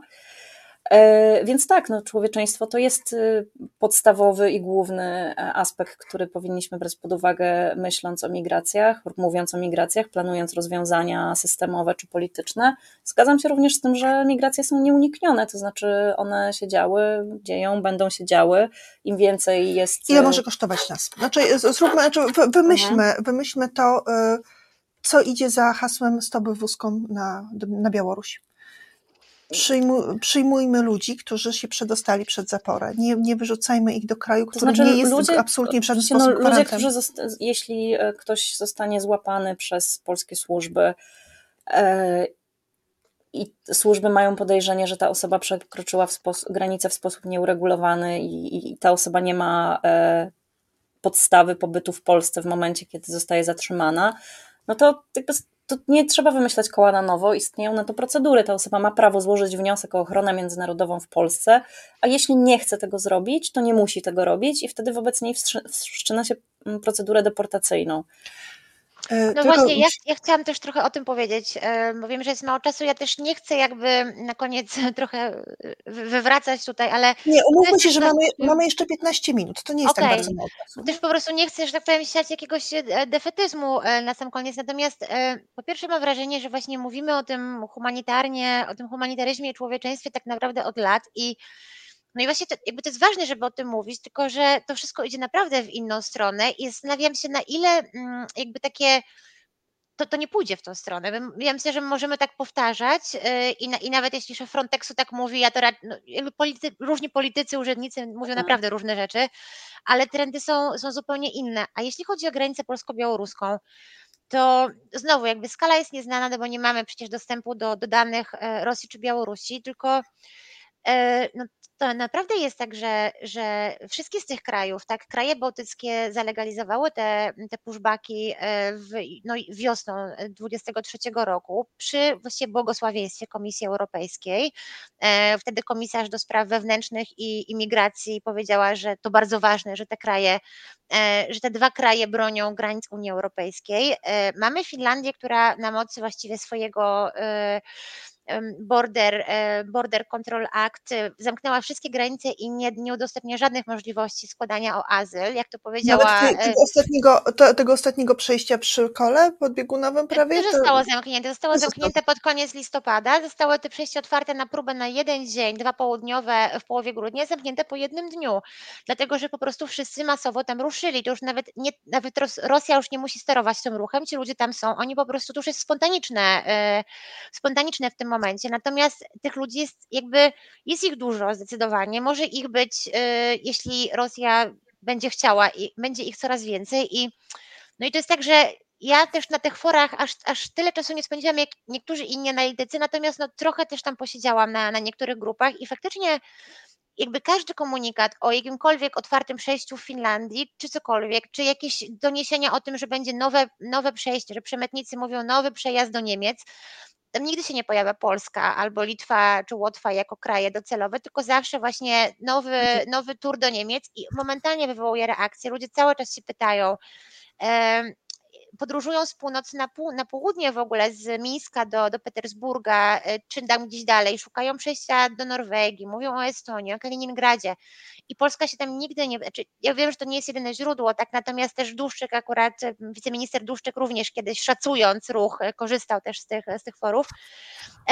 pokazują, że że, że, jakby w momencie, gdy, gdy która, którekolwiek z tych państw zacznie przyjmować wnioski azylowe, to po prostu staje się punktem wej- wejścia dla, to może być naprawdę wiele osób e, i no też Rosja czy Białoruś, jeśli będą chciały, e, no to też będą w stanie tak więcej, więcej tych ludzi, e, więcej tych ludzi ściągać dowolnymi programami wiz. E, I, no i w tym sensie mnie to też zastanawia, bo my jednak bardzo mało mówiliśmy w ciągu tych ostatnich dwóch lat o tym, że jednak Polska przyjęła, wiele osób było pushbackowanych, ale jednak Polska przyjęła nie- 6 czy 7 tysięcy osób, trafiło do ośrodków i jednak zdecydowana większość z nich wyjechała do Niemiec. E, Później e, są te, są te procedury dublińskie, Mm, no deportacje przecież są bardzo trudne. Tak często się mówi, po prostu przyjmijmy i te osoby, które się nie kwalifikują, deportujmy. I to jest takie proste. Natomiast to w ogóle nie jest proste. To w ogóle nie jest proste. Ale znaczy, poczekaj, Tylko- poczekaj, poczekaj. Proste, proste jest chyba, wyda- wydaje mi się... Tylko e, ro- rozwiązaniem, jeśli, jeśli tylko mogę, no rozwiązaniem tego że, faktu, że to nie jest proste, nie, jest, są- nie są pushbacki i nie mogą być pushbacki. No właśnie. Wiem, że może nie proste- mogą, jakby na poziomie moralnym, ale z drugiej strony też, y, no, no ja, ja wiem, że, że nie mogą, tak? I to jest też takie trudne. Ja też nie chcę jakby mówić, że pushbacki mają zostać, bo, bo jakby samo mówienie tego jest straszne, ale z drugiej strony po prostu tych rozwiązań nie ma. Są Niemcy. mówmy, mówmy, Mhm. mówmy wywózki, co? E, Bo, bo Mhm. pushback to jest, no ja też o to apelowałam, że wywózki. E, Przepraszam, bo to wyda, wydaje się, że to jest w ogóle nieistotne, ale my trochę wymyślamy, te, te pushbacki No są tak, po tak, wiesz, jakąś wywózki, figurą, jak, jasne, po jak polsku kot wywózki. E, A em, ja myślę, że dosyć proste jest na przykład e, zgodzenie się, żeby nie wyrzucać ludzi na, na, na śmierć do lasu.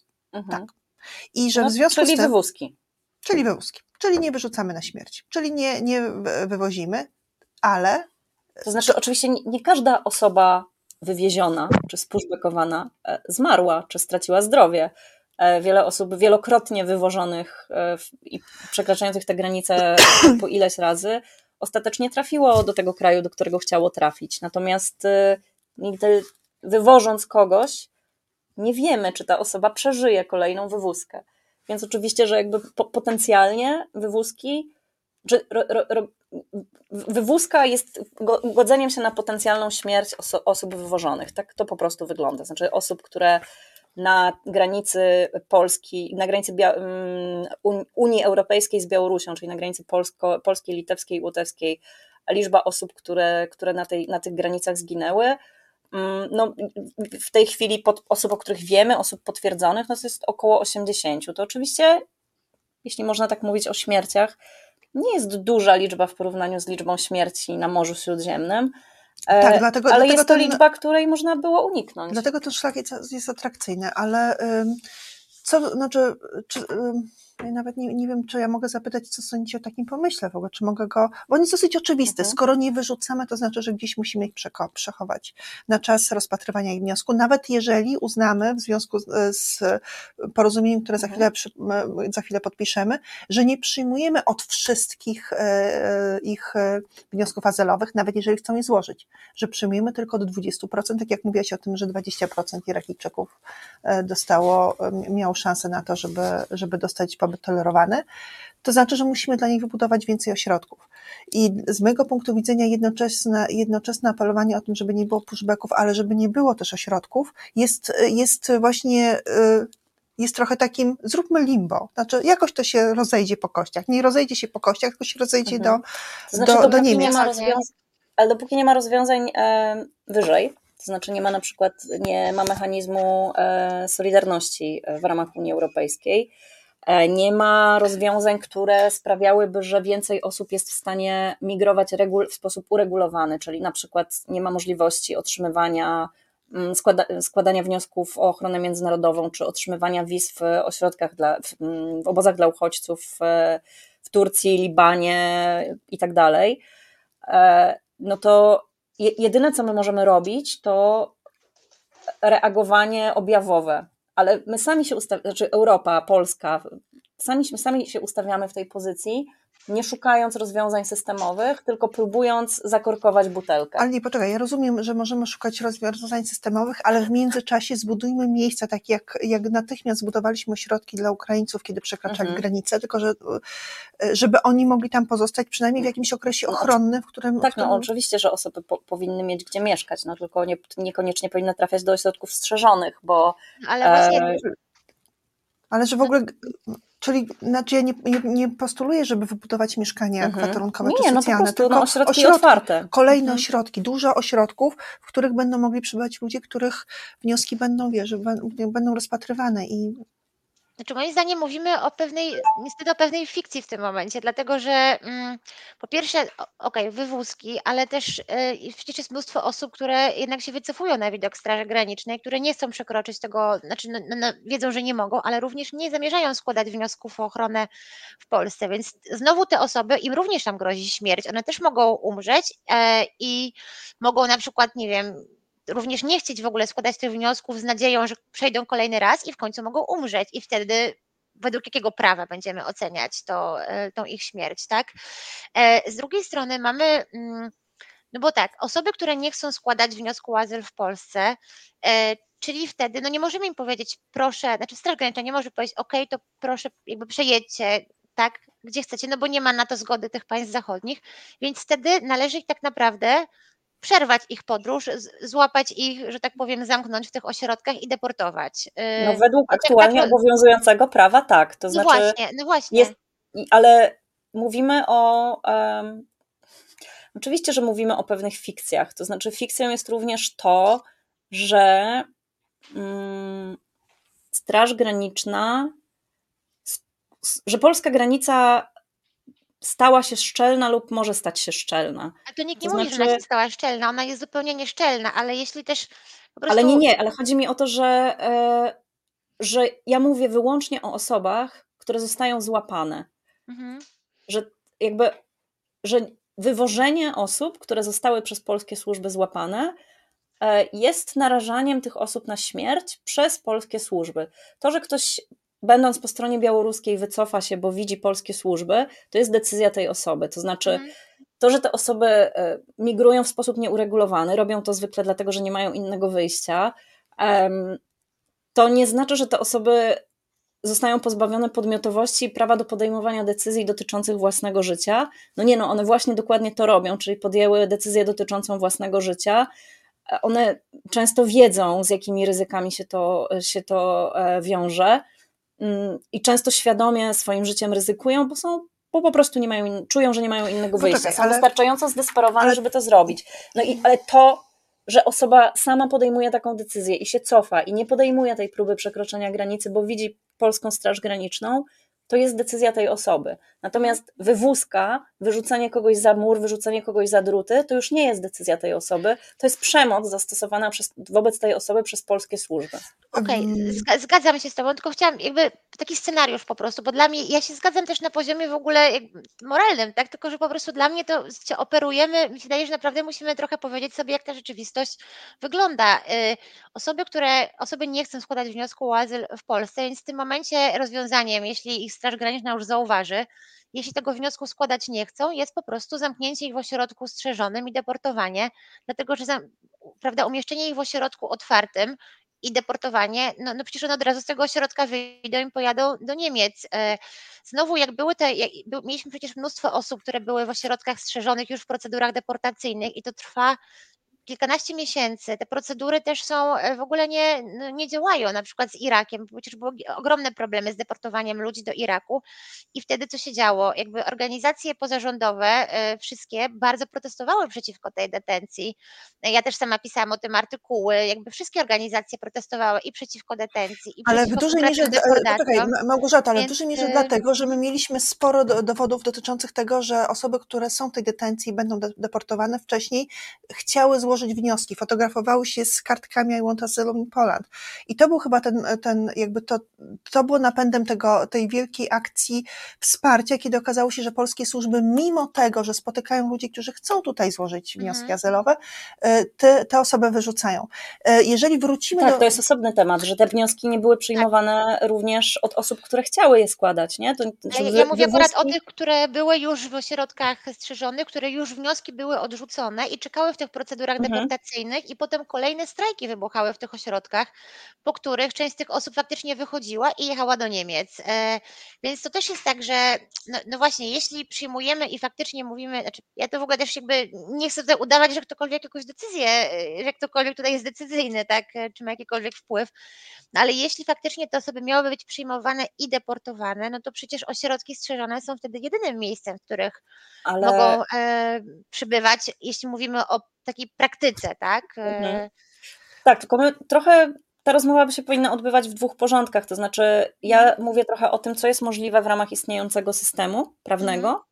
Mhm. Mm, I on jest absolutnie niewystarczający, i w ogóle e, instytucja ochrony międzynarodowej i postępowania, które jest indywidualne i które jest bardzo czasochłonne i pracochłonne wobec liczby osób migrujących aktualnie jest jakimś instrumentem zupełnie niewystarczającym, ale innych rozwiązań w tej chwili nie ma, to znaczy one się czasem pojawiają, na przykład pojawiły się wobec osób z Ukrainy, które zostały objęte ochroną tymczasową i okazało się, że da się nie jednostkowo, tylko dla całej danej grupy e, i to kilkumilionowej, bo w tej chwili w Unii Europejskiej jest, są, przebywa ponad 4, 4 miliony osób, które uciekły z Ukrainy po pełnoskalowej inwazji. E, tak, tam że spadła, da się wprowadzić ludzi z da się 38 do 30 milionów. Instrument no. prawny, który odpowiada na e, masową potrzebę. Mhm. E, wnioski o ochronę międzynarodową takim instrumentem nie są i one są absolutnie niewystarczające i nie odpowiadają współczesnym realiom migracyjnym. I, ale to jest rozmowa na zupełnie inny temat. Znaczy, tworzenie rozwiązań, które by tym realiom odpowiadały, to, to jest rozmowa na inny temat niż rozmowa o tym, co możemy zrobić, żeby naruszeń praw człowieka było nieco mniej, poruszając się w ramach systemu prawnego, który w tej chwili mamy, który jest całkowicie niewystarczający wobec wyzwań, mhm. z którymi się mierzymy.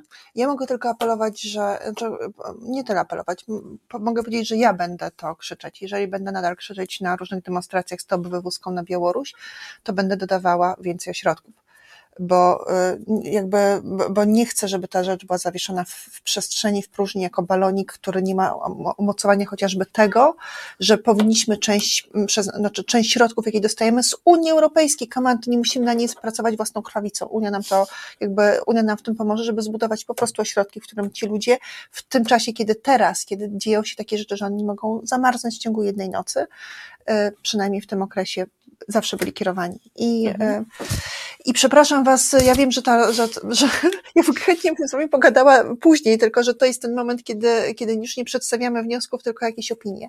Znaczy nie przedstawiamy tych fragmentów wiedzy, jakie mamy, tylko, tylko różne opinie, szczególnie tutaj to się dotyczy, to dotyczy mnie. Bardzo Wam dziękuję za to spotkanie. Moimi gościniami była Małgorzata e, Tomczak, e, dziennikarka Okopresu, socjolożka pracująca na temacie, tematem migracji od wielu lat oraz również pracująca od wielu lat z migrantami e, Marianna Wartecka z Fundacji Ocalenie, która ocala ludzi. Nie, nie, przepraszam.